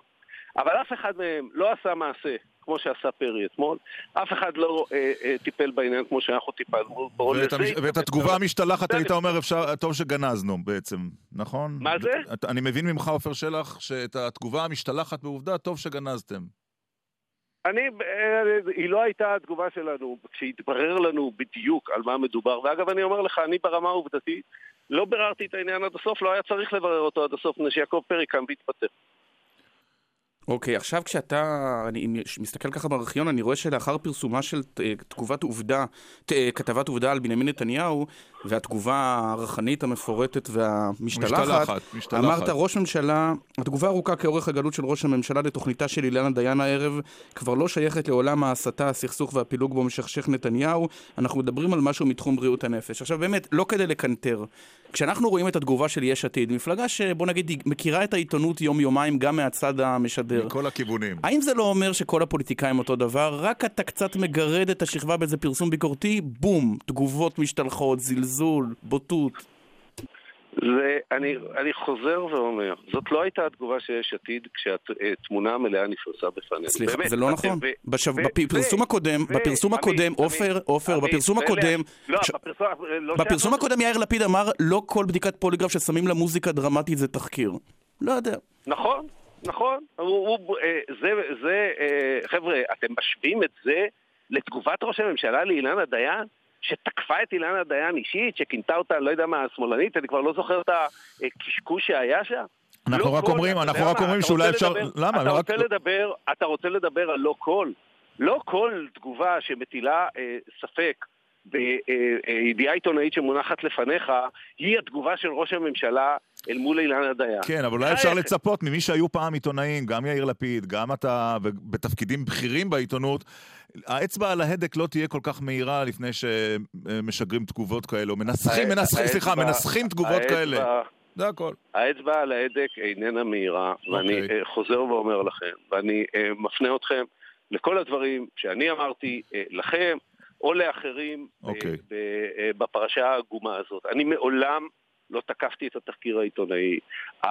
הידיעות העיתונאיות, גם אה, לפני כמה שבועות וגם אה, הפעם, היו ראויות בעיניי. אני התייחסתי לשאלה שאיתה פתחתם את השידור, והיא באמת זו שעמדה לפנינו. האם, אני לא מבקר תקשורת, לא עסקתי בזה הרבה בימי חיי, אוקיי. ואני אה, בטח לא עוסק בזה היום. אני אה, אה, עוסק, עסקתי בסוגיה הפוליטית והאישית כן. שנגע ליעקב פרי, איש יש עתיד, וליעקב פרי החבר שלי. ועל יעקב אוקיי. פרי החבר שלי, האיש, רב הפעלים והמעשים האלה, צר לי מאוד ביום הזה. תודה רבה לך, חבר הכנסת עופר שלח, יש עתיד. יום טוב חברים, ביי. טוב, זה היה מעניין. כן. אה, אה, את- בהמשך למה שאמרנו, אה, של- שלוש הערות. אחת באמת, אה, במערכת עובדה להבהיר, לא עובדים על תחקיר על חבר הכנסת נוסף מיש עתיד. שתיים, כן? הביאו שם אתמול את שתי התגובות, גם הלפני וגם האחרי. התגובה המקורית אגב נשלחה כבר שלשום. התגובה המשתלחת... אה, בדיוק. יום לפני, לפני שידור התחקיר. והדבר השלישי הוא שבאמת יש אה, פרסומים אה, על כל מיני גרסאות שונות של לפיד על איפה הוא היה בצבא, לפני שהוא הגיע לעיתון במחנה. הוא בטח אה, יישאל על זה ברעיון הבא שהוא ייתן, אבל אני מניח שהוא לא יתראיין לא יהיה ביום-יומיים. בקרוב. הוא. לא יתראיין ביום-יומיים הקרובים, אה, חבר הכנסת יאיר לפיד, כי הוא לא רצה לדבר על... תגיד, אה, ואחרי. כל זה, עצם העובדה שפרי שם את המפתחות והולך הביתה, כשבסיעות אחרות ראינו... נאחזים בכיסא נאחזים בכיסא בעוצמה- בהתלהבות. בעוצמה. יש בזה. טעם ל... צריך. כן, צריך לומר אה, מילה טובה. אה, אחרי מה שקרה, אה, חבר כנסת נבחר ציבור אומר, אני מסיק את המסקנות ואני הולך, זה לא דבר שקורה תדיר במקומותינו.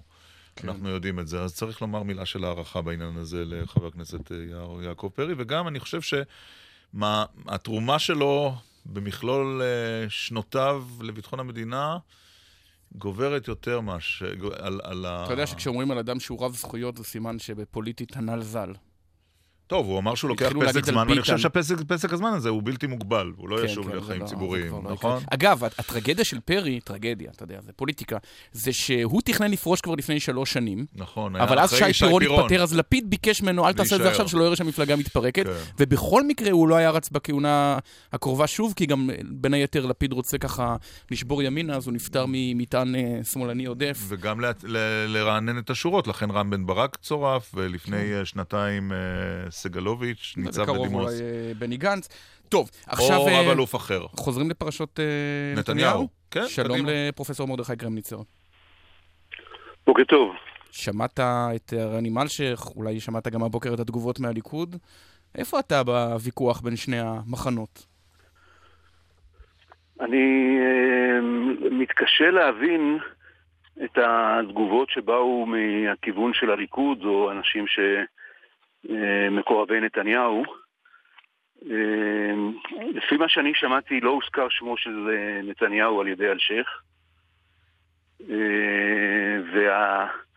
וההסבר היחיד שאני נותן לזה, אה, לדעות שנשמעות אה, מופרזות, מוקצנות, כמעט היסטריות, אה, זה שיש כאן המשך של המאבק שמתנהל אה, נגד חקירת המשטרה, החל מהניסיון אה, לחוקק חוק צרפתי שימנע בכלל חקירה של ראש ממשלה מכהן, אה, כלה בחוק ההמלצות במתכונת המקורית שלו, שהיה נועד, להש... נועד להשתיק את קולה של המשטרה, ועכשיו הרעיון הוא, אה, הכל, הכל יצא מנקודת הנחה שלמרות שאין כלום ולא היה כלום ולא יהיה כלום, שכנראה המשטרה תגיע למסקנות אחרות.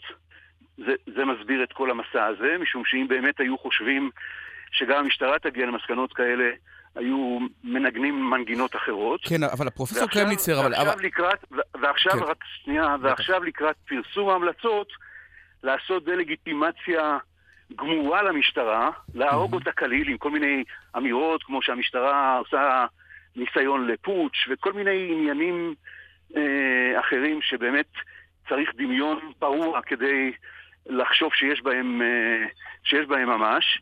אז כדי לעשות את הדה-לגיטימציה למה שהמשטרה כנראה אמורה לפרסם, אז עושים דה-לגיטימציה למשטר, למפכ"ל ולמשטרה. כן, אבל, אבל בכלל, פרופסור קרניצר. את הזה. פוליטיקאים, אה, ש... פוליטיקאים שנמצאים במצוקה על רקע חקירות זה לא דבר חדש, ומתקפות על גופי אכיפה זה גם לא דבר היו חדש. בעבר. אבל אני חייב להגיד שזה כן אני, דבר אני לא חדש. מקבל את זה, אני לא מקבל את זה שזה במיל לא, זה לא נורמה. מהאחריות ומהחומרה של הדבר הזה. מאה אחוז. לא, זה ברור, אבל מתקפות זה לא דבר אבל חדש. השאלה היא למה, למה מי אז ש... מה אם זה לא דבר חדש? זה דבר פסול ורע. אבל, אבל השאלה היא לאן הגענו, שאנחנו לא יכולים בעידן הזה להגיד, גם זה אולי לא ראוי, אבל גם לתהות על, על, ה, על הכמעט שיגעון שבו מפכ"ל המשטרה ו, ו, וניצב רוני ריטמן למעשה אומרים שבנימין נתניהו משגר אחריהם חוקרים פרטיים, שהוא מעורב בתלונות עליהם, וזה עובר כאילו כלום. ושניצב במשטרה, בג"ץ קובע עליו במילים הכי חריפות, אה, צריך, אה, אה, אפרופו הטרדה מינית, אומר שהוא צריך ללכת הביתה. והמפכ"ל אומר שהוא חומל עליו. וכל, ואף אחד לא אומר כלום בגלל שרוצים שביבי ייפול.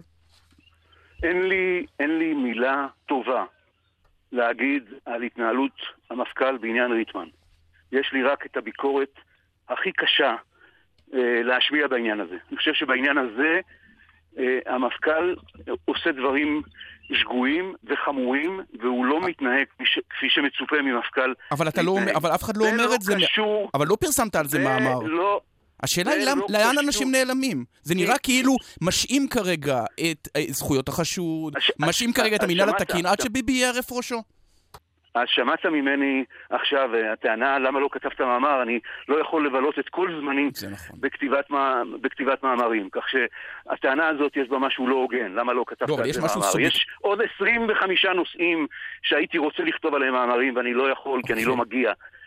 כי זה סדר היום המ- המטורף אצלנו.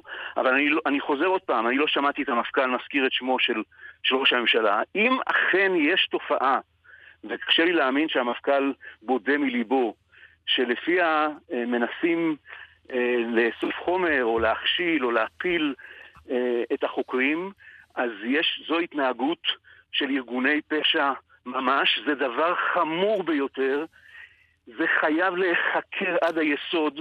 על ידי מי? זה מה... על ידי מי שמופקד בישראל על, אה, אה, על שמירת החוק. המשטרה. המשטרה. עכשיו, השאלה של העיתוי היא שאלה יותר מורכבת. אה, אני, אני לא יודע בדיוק מה היו כל השיקולים, מדוע החליטו לא לפתוח בחקירה הזאת לאלתר, ולכן אני לא רוצה להביע דעה לגבי העניין הזה, כי יכול להיות שיש שיקולים טובים, אה, אבל על פניו זה דבר שרמת חומרתו מאוד גבוהה, ושהוא מחייב טיפול חקירתי אה, נמרץ ביותר. נראה אם זה, איך זה יתגלגל, אה, הפרופסור אה, מוטה קרמיצה. לסיום, אתה, אם היית המפכ"ל, היית בוחר להתראיין אתמול? אה, אני שמעתי את אה, אילנה דיין הבוקר מסבירה שלא המפכ"ל קבע את, אה, את הזמן שבו הריאיון הזה שודר, שעובדים על העניין הזה כבר אה, שנה. נכון, אבל מפכ"ל יכול אה, להגיד, ואתה מכיר את כללי המשחק, אני מוכן שתשדרו את זה רק אחרי ההמלצות, אחרת אני לא משתף כל כך פעולה. ויכול, יש לו מילה בעניין הזה, אם הוא רוצה. כן, בהחלט אה, יכול להיות. זה, אה, זה קצת מזכיר לי אה, דבר שמנחם בגין אמר פעם, שמעתי את זה מבנו, אה, שהוא אף פעם לא הצטער על ראיון שהוא לא נתן. Mm. מייחסים את זה רבות לשרון. אתה יודע, את לא, האמירה אז הזאת. אני יודע את זה מבני בגין לגבי, אוקיי. לגבי אביו. וזה כן, חל גם על המפכ"ל. אלשיך, אתה אומר. ו- ונראה לי שנתניהו חושב שאף אחד עוד לא יצטער על מפכ"ל שהוא לא מינה. אז... יכול להיות. טוב, הפרופסור טוב. דרק קרמניצר. עמית בכיר במכון הישראלי לדמוקרטיה, תודה רבה על לך. השיחה. תודה, תודה לכם. אחרי החסויות והתשדירים אנחנו נדבר על משהו אחר שלא קשור ליעקב פרי ובנימין נתניהו? ולא קשור לעובדה אפילו? לא קשור גם לעובדה כלום. לפי דעתי. למה קונסולים, אה, קונסולי כבוד של מדינות שונות, מספרים על חוויותיהם. בדיוק. ולוחיות רישויותיהם. וגם. על איך מגיעים להיות, כי אולי נגיש מועמדות. מעוניינים? נכון. טוב, מערכה מאוד כבדה מתחוללת בשבועות האחרונים, נכון? בעיקר אה, בטוויטר, נכון. אבל היא כבר גלשה גם למחוזות גלשה אה, להם מחוזות. הפייסבוק וגם לתוכנית בחברת החדשות, או נכון. בערוץ 12, באיזה ערוץ? 12, בערוץ 12. 12. כשהקונסול הכבוד של איי מרשל, היחצן אה, רני רהב, אה, נתבע להחזיר את מקום החנייה שקיבל אה, האטרקטיבי.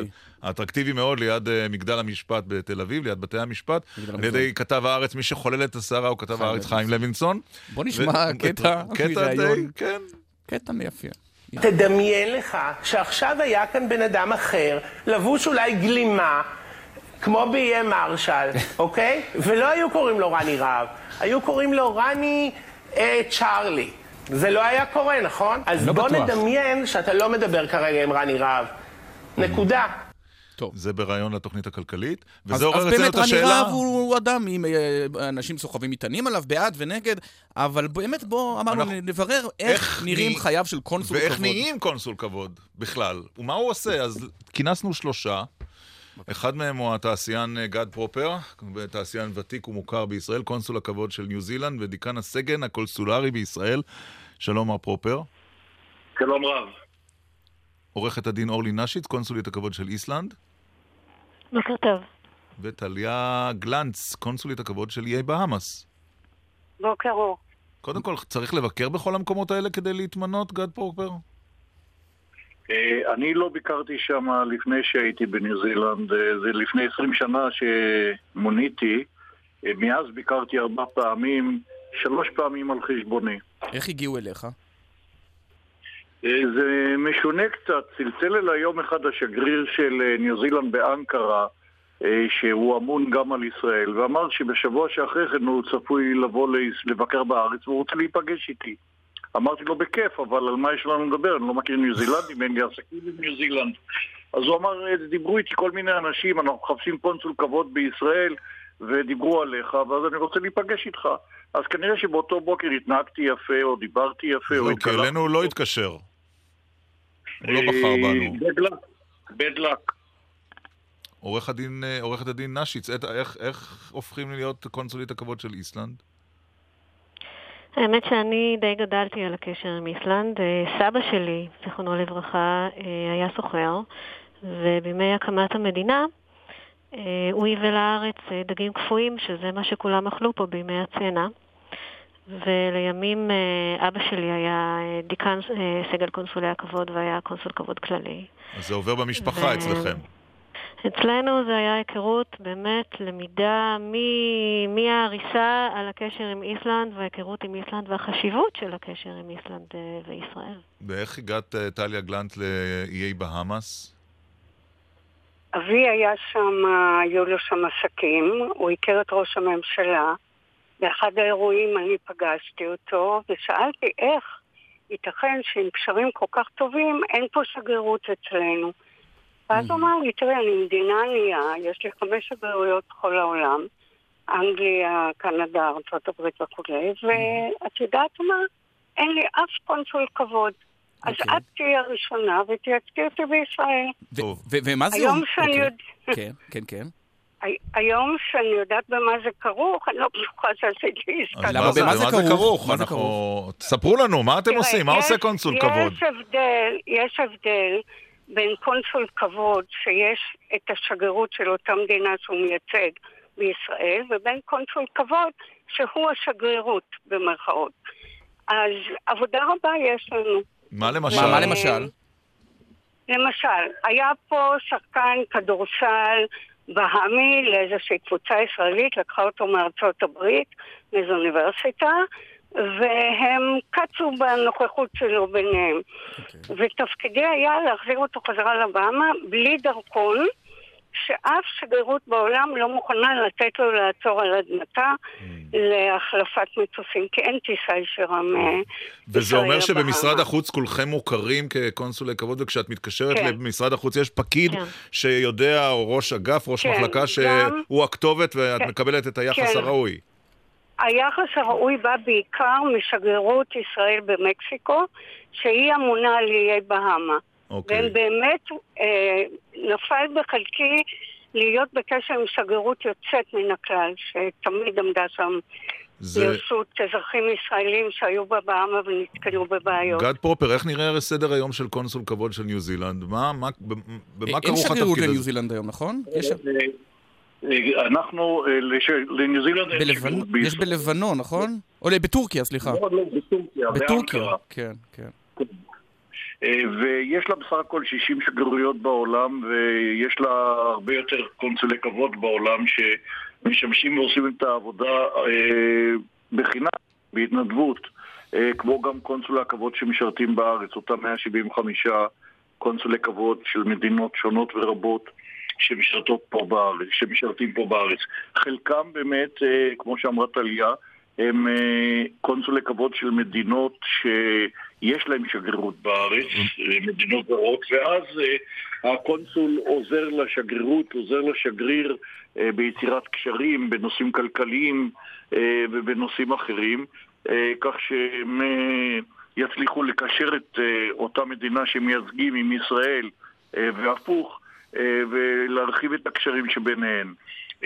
אותם אה, 60-70 אה, ש- אה, קונסולי כבוד של מדינות בעולם שאין להן אה, שגריר בארץ, אה, הם למעשה עושים את העבודה ששגרירות בדרך כלל עושה, לא את כולה, אבל הרבה ממנה. זה בשכר? להיות קונסול כבוד זה בשכר? שכר, בעצם... רגע, רק שנייה, עורכת הדין. נשיץ, נכון? זה זה בשכר? כן, אין שום שכר. אה, אין בזה כמעט טובות הנאה, מלבד העזרה לקשר בין המדינות. ואנחנו, תכלס, אתם מדברים היום עם אה, שלושה קונסולי כבוד של מדינות שאין להם שגריר שהוא תושב בישראל, ועל כן העבודה שלנו היא ניכרת. אוקיי. אה, אבל- אנחנו מייצגים את המדינה בארץ, הן כאשר מגיעים יש לך אנשים- במ- יש לך משרד או אה, שזה מהסלון? זה במשרד, מה פתאום? במשרד. זה דבר. ו- והם משלמים משהו? הוצאות? את המשרד הם שוכרים משרד, ודאי. חנייה? מזכירה לא, לא, יש? לא, זה ב- משרד משלי שאני מנהלת, אוקיי. בעבודה שלי, ובמסגרתו אני גם, יש לי את הקונסוליה.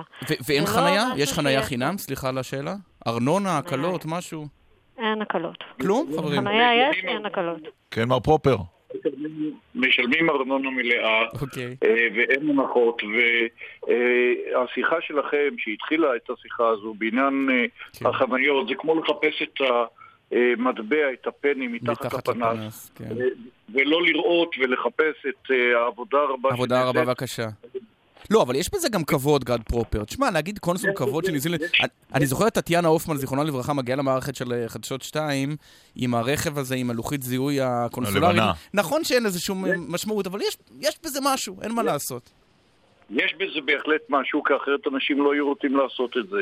אבל כל הקונסולי הכבוד הם כולם ישראלים, הם כולם אה, מעוניינים בלהרחיב את קשרי ישראל עם אותן מדינות שהם אה, מייצגים אותן, אה, והם אה, עושים עבודה נפלאה גם בעיני משרד החוץ וגם בעיני משרדי החוץ באותן מדינות שמייצגים פה בארץ. כשלמשל ישראל, שהסתבר שהשתמשה בדרכונים ניו זילנדים מזויפים בפרשת החיסול של מבחוך הכל לכאורה כמובן. אתה גם היית בסוד העניינים, או שאז בגלל שהייתה שגרירות זה היה אחרת? לא הייתה שגרירות, הייתה, אה, הייתי אני כאן, כן. וגם באותה תקופה אה, אני פעלתי ועזרתי רבות לכך שהיחסים שבין ישראל לניו זילנד יחזרו לטוב. כי ממשלת ניו זילנד, אה, מה שהיא רצתה בעצם זה התנצלות של אה, ישראל, ולישראל היה קשה להתנצל, ואני יכול גם להבין את הרצון הזה שלא לבוא ולהתנצל בצורה פומבית. באותו זמן סילבן שלום היה שר החוץ, ואני שוחחתי איתו הרבה פעמים.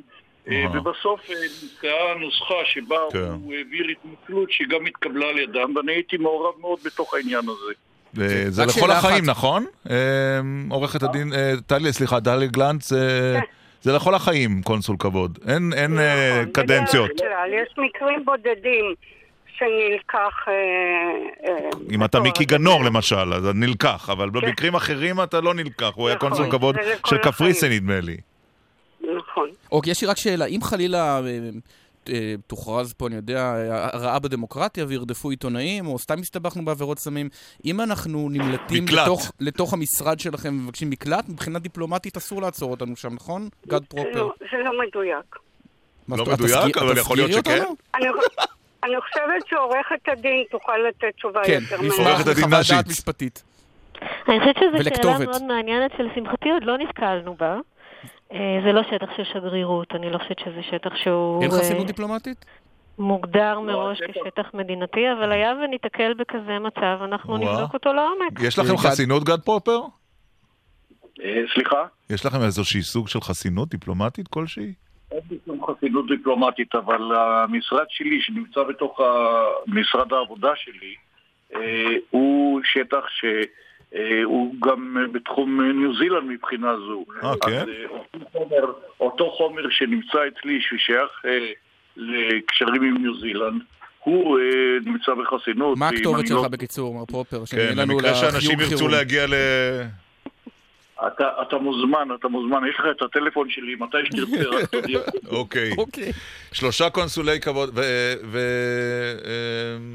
שלושה קונסולי כבוד של שלוש מדינות, גד פרופר, עורכת הדין אורלי נשיץ, אה, טליה גלנץ מבהאמאס, איסלנד, ניו זילנד. תודה תודה רבה לכם. שהארתם את עינינו. מעניין מאוד. תודה רבה. כן, לכם. וננסה, אם אתם שומעים שיש פנו- משרות פנויות, אז אנחנו אתם יודעים פנויים. לאן להתקשר. אתם גם יודעים לאן אני מוכן להתקשר. להיות קונסול כבוד של פלסטין, אין לי בעיה. אני מוכן של... אני לא בררן, כל מי שיפנה אני מוכן לקבל אותו. בדיוק. כן? שיהיה לכם יום טוב. תודה רבה. וחניה בתל אביב זה מצרך יקר, אני מוכן עם החניה. בדיוק. אמ, טוב, יפה. עוד לפני אדם מן היישוב, אני הייתי השבוע בתערוכה. אמ, שהייתי בה לפני שבועיים גם. שגם אתה היית בה במוזיאון ישראל. ובלי- לתאם מראש, זה כן. נחת את... אה, האומנית, התערוכה שמה פראבדה. זה- טוב, זו תערוכה מאוד פרובוקטיבית, אי אפשר. להישאר אדיש. וחשבתי שיהיה נכון שנשוחח כאן עם האומנית היוצרת, אה, זיווה, זויה, סליחה, זויה צ'רקסקי. שלום, זויה. שלום. איך... יש, יש משהו עוכר שלווה בתערוכה שלך. מאוד קשה להסביר את זה ברדיו, אבל תגידי לי אם את מסכימה עם התיאור. שאצלנו אומרים עלייה, והתערוכה שלך היא על הגירה. אין שם אה, ציונות במובן שהכרנו, יש קשיים מאוד קשיים, מאוד הרבה בלתי קשיים. נסבלים של אנשים שעוברים לארץ אחרת עם תרבות אחרת. כן. אה, כן, זה נכון, ואני חושבת שהשם פראבדה הוא גם מתייחס לעובדה הזו, שבמקום אה, לספר איזשהו ציו- אה, סיפור כזה, אה, אני צריכה להגיד שפראבדה זה אמת ברוסית, וחוץ מקונוטציה לעיתון הרשמי של המפלגה הקומוניסטית, אה, שאני מתייחסת אה, לזה בצורה אירונית, כן. אני גם חושבת ש... שזה אה, מתייחס למה שאתה אמרת, ובמקום לספר איזשהו סיפור כזה מקושט על אה, עלייה וסיפור כזה פטריוטי, זה מנסה לספר חוויות גם שלי וגם חוויות קולקטיביות של, ה... של, ה... של הגל העלייה הגדול מברית המועצות, מאיפה את עלית? מקייב. מקייב. ובת כמה היית כשעלית? הייתי בת 14. וזה היה קשה כפי שזה מצטייר בציורים שלך? אה, אני חושבת שההורים שלי, כאילו, הם ספגו את רוב הקושי, כי אני, אחרי ארבע ימים, אני הייתי בתל מעלין כבר, כן. והסיפור העלייה שלי הוא היה אחר, כי זה בית ספר שמאוד מאוד אה, הקל עליי, על כל הסיפור הזה של אה, מה, קליטה. ומה זה אומר מבחינתך, זויה, שתערוכה שלך מוצגת במוזיאון ישראל? אה, האמת שאני מההתחלה, אני קיוויתי שהתערוכה הזאת תהיה במוזיאון ישראל, כי אני חושבת שהנושא הזה אף, כאילו בעצם אף פעם לא, לא זכה לאיזשהו טיפול כל כך מסיבי. כן. וכיוון שזה היה נושא לאומי כזה, אז אני רציתי שזה יהיה במוזיאון הלאומי. וכשיש ויכוח... אז... אה, קודם כל זה כבוד גדול, ללא ספק, אבל כשיש ויכוחים סביב העלייה הרוסית, ויש אה, אה, הפגנות באשדוד, ו- וטיב טעם, איך את רואה את זה כמי שמשקיפה על אה, מה שמתחולל כאן ב-2018? אני חושבת שזה צודק ולגיטימי שאנשים אה, עומדים על ה... אבל השאלה היא האם העולים תמיד יהיו עולים? אה, אני יודעת שהעולים שהגיעו בשנות ה-90 הם אה, עדיין נשארו עולים, רובם.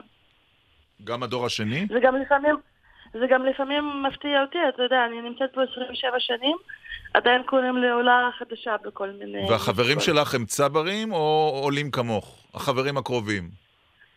גם וגם. אבל כשרואים את, את התערוכה, באמת, היא מאוד קשה לעיכול. זה, יש הרבה תערוכות נפלאות במוזיאון ישראל בימים אלה, אבל זאת באמת המטלטלת מכולן. אמ, מאוד לא נעים לראות את זה בעיניים של צבר יהודי ציוני שמאמין שכל היהודים צריכים להיות כאן לא בגלל פליטות או קשיים כלכליים, אלא כי זו ארצם. את מתארת את ישראל כמעט במבט, אה, איך נגיד את זה? קר, אה, כמקום מנוכר, חסר תרבות, אלים מאוד. אכזרי לעיתים. אכזרי. אה, טוב, זה גם תערוכה שהיא סאטירית, כאילו, אני חושבת שקשה להתעלם מהמימד ההומוריסטי גם של כל העבודות. אז אה, סאטירה היא בדרך כלל מתייחסת לדברים שהם אה, קשים ובעייתיים. אז, אה, אז מן הסתם, כאילו, הפוקוס, כאילו, הוא על הקשיים, ולא כן.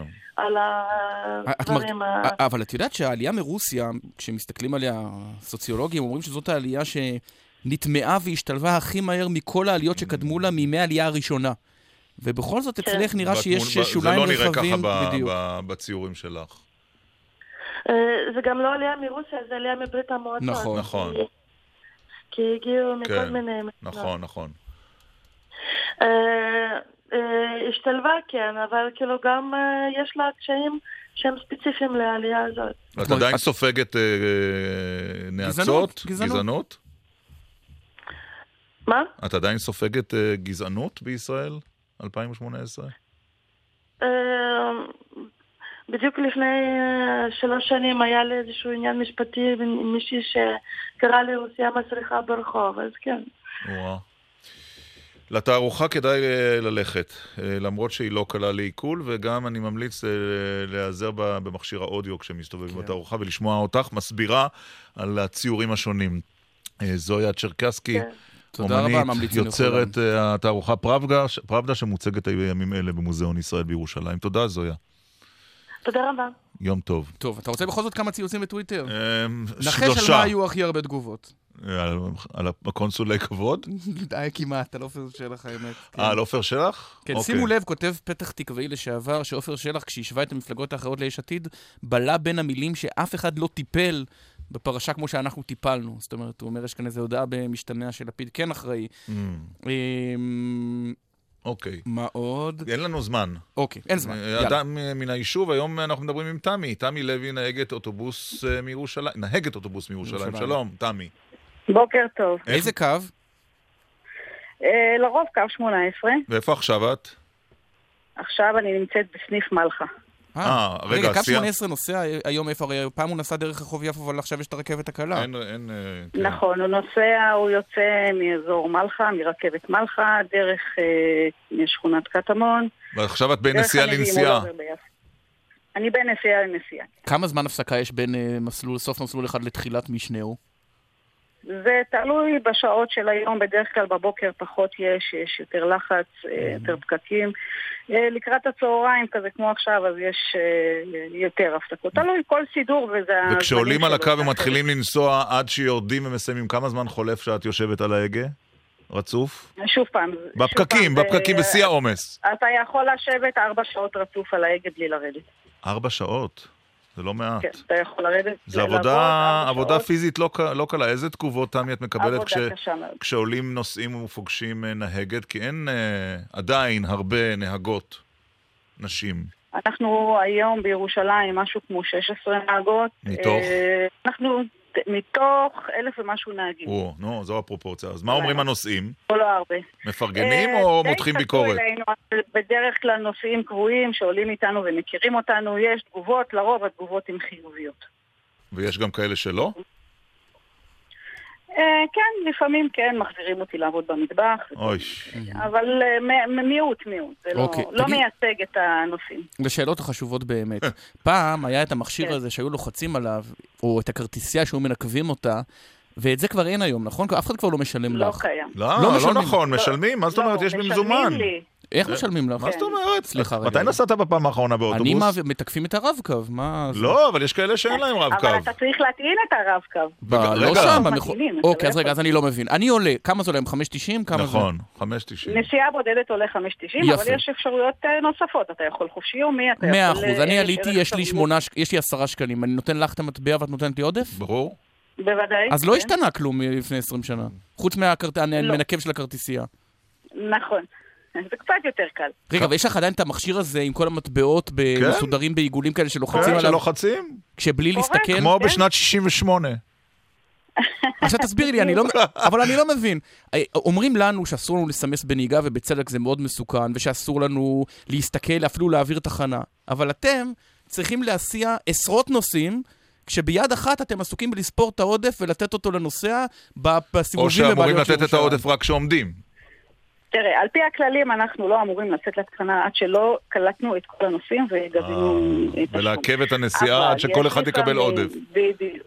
בדיוק. אבל כמו שאני יודעת, מחודש הבא, אז הם מתחילים להוריד מאיתנו את הנושא של המזומנים. ואז אנחנו נפסיק לגבות כסף. יהיו מכונות שאפשר יהיה לקבל עודף גם לנסיעה בודדת? לא, זה לא יהיה עם עודף. בתוך האוטובוס יהיו מכונות שתאכל רק נסיעה בודדת, אהה, ויהיו מכונות מחוץ לאוטובוס, בתחנות האוטובוס, בתחנות מרכזיות. שהם, אה, ת- ש- שם תוכל למלא את כל, החו, כל חוזה שתרצה. איך הגעת לזה בכלל? איך הגעתי לזה? את ארבע- ארבע לפני שנים, כן נכון? ארבע שנים. אני ארבע שנים באגד, כן, עבדתי בתור נהגת מונית, ורציתי עבודה מסודרת עם אה. תנאים סוציאליים. וזה דבר שאני אוהבת, נהיגה, צריך לאהוב את זה, זה לא עבודה קלה בכלל, כן. אבל אני אוהבת העבודה ואני מאוד מרוצה. מה אוהבים בעבודה הזו? מה את אוהבת. בעבודה בנהיגה על קו? את, האינטראקציה עם האנשים, את התנועה.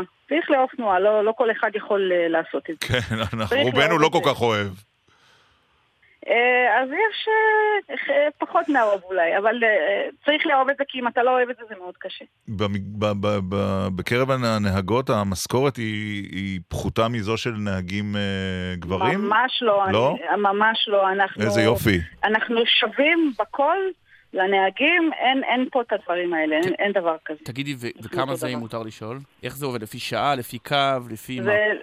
היום אנחנו מקבלים 39 שקל לשעה, יש פרמיה, תלוי בסידור, תלוי בקו, זה תלוי בכל מיני פרמטרים. ושאלה שתמיד שואלים אותה, נהג שנוסע כן. לאוטובוס, איך הוא נוסע? איך את מגיעה לאוטובוס? יש כן. חניון. ואת מחנה יש את האוטו, יש אני לך באה מכ- בבוקר עם עם מכונית. פרטית, אה, ומחנה אותו שם. כן, יש מי שלא, יש הסעות. ומגיעים לסניף ולוקחים את, ה... לוקחים את האוטובוס ויוצאים לעבודה. קרה שהשחיתו- קרה שהשחיתו אה, מודעות על האוטובוס שנהגת בו? כי הרי זה קורה בירושלים. בוודאי. כן? כן, כן. ואז כן, מה עושים? כן. מה, היא לא אחראית אין מודעות? הרבה מה לעשות, מסדרים את זה, חוזרים לסניף. ויש אנשים שהם אה, מבינים על זה, והם מסדרים את זה. ומה קורה אם נהג אוטובוס אה, ככה דופק את השמישה או משפשף את הפגוש, הוא אחראי לזה? משלם או שיש ביטוח? לא, אני לא מאמין. יש אחוז מסוים שהנהג משלם. אה, תלוי- כן? תלוי באשמה. כי לתקן יש אוטובוס עולה השפעה, יותר כן. מאשר אה, מכונית פרטית. 39 שקלים לשעה. כן.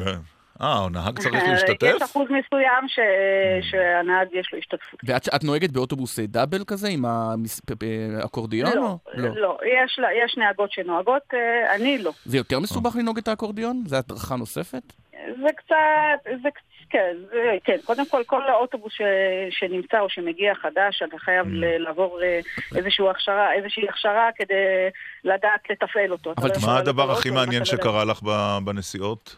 לסיום? יש כל כך הרבה דברים, אבל אני יכולה משהו אחד. משהו אחד, כן.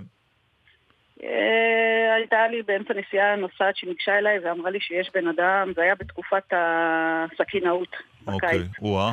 ויש בן אדם שנראה מאוד מפחיד, הוא באמת היה נראה קצת תמוה. אז אני ביקשתי ממנה שאם היא יכולה לחייג למשטרה, כי אם אני אחייג זה יעורר אה, תשומת לב מיותרת. אה, והיא חייגה? ואנחנו לא רוצים את זה. היא חייגה למשטרה, ואני אמרתי לה, תגידי לה את המיקום ולאן אנחנו נוסעים, והם אוקיי. כבר ידאגו לתפוס אותנו בדרך. ואחרי שתי תחנות אני מרימה את הראש למראה, ואני פשוט לא רואה אף אחד באוטובוס. כולם ירדו, השאירו אותי איתו לבד. וואו, לא יפה. ואז מיד באו האופנוענים של המשטרה, הקיפו אותי, יפה. ולא יודעת מה הם עשו אחר כך, הם אנחנו בדקו זוכרים את אותו, ההיסטוריה העגומה של קו 18 תודה, בירושלים. תמי לוי, נהגת אוטובוס בקו 18 בירושלים. תודה רבה. תודה אנחנו- לכם, תודה לכם. אנחנו מסיימים, ערך את התוכנית אילן ליאור, הפיקו הילה פרץ וענבר טוויזר. בירושלים קיקו נדב. על הביצוע הטכני אפרים קרני, מיכל איטקין עורכת הדיגיטל, אחרינו, יואב הנדל. וניצן הורוביץ. אנחנו נשוב בשבוע הבא בהרכב מלא, נכון? בהחלט. אתה לא בוורשה. לא. שבוע לא טוב. בסוף שבוע. נעים, שבת. שלום.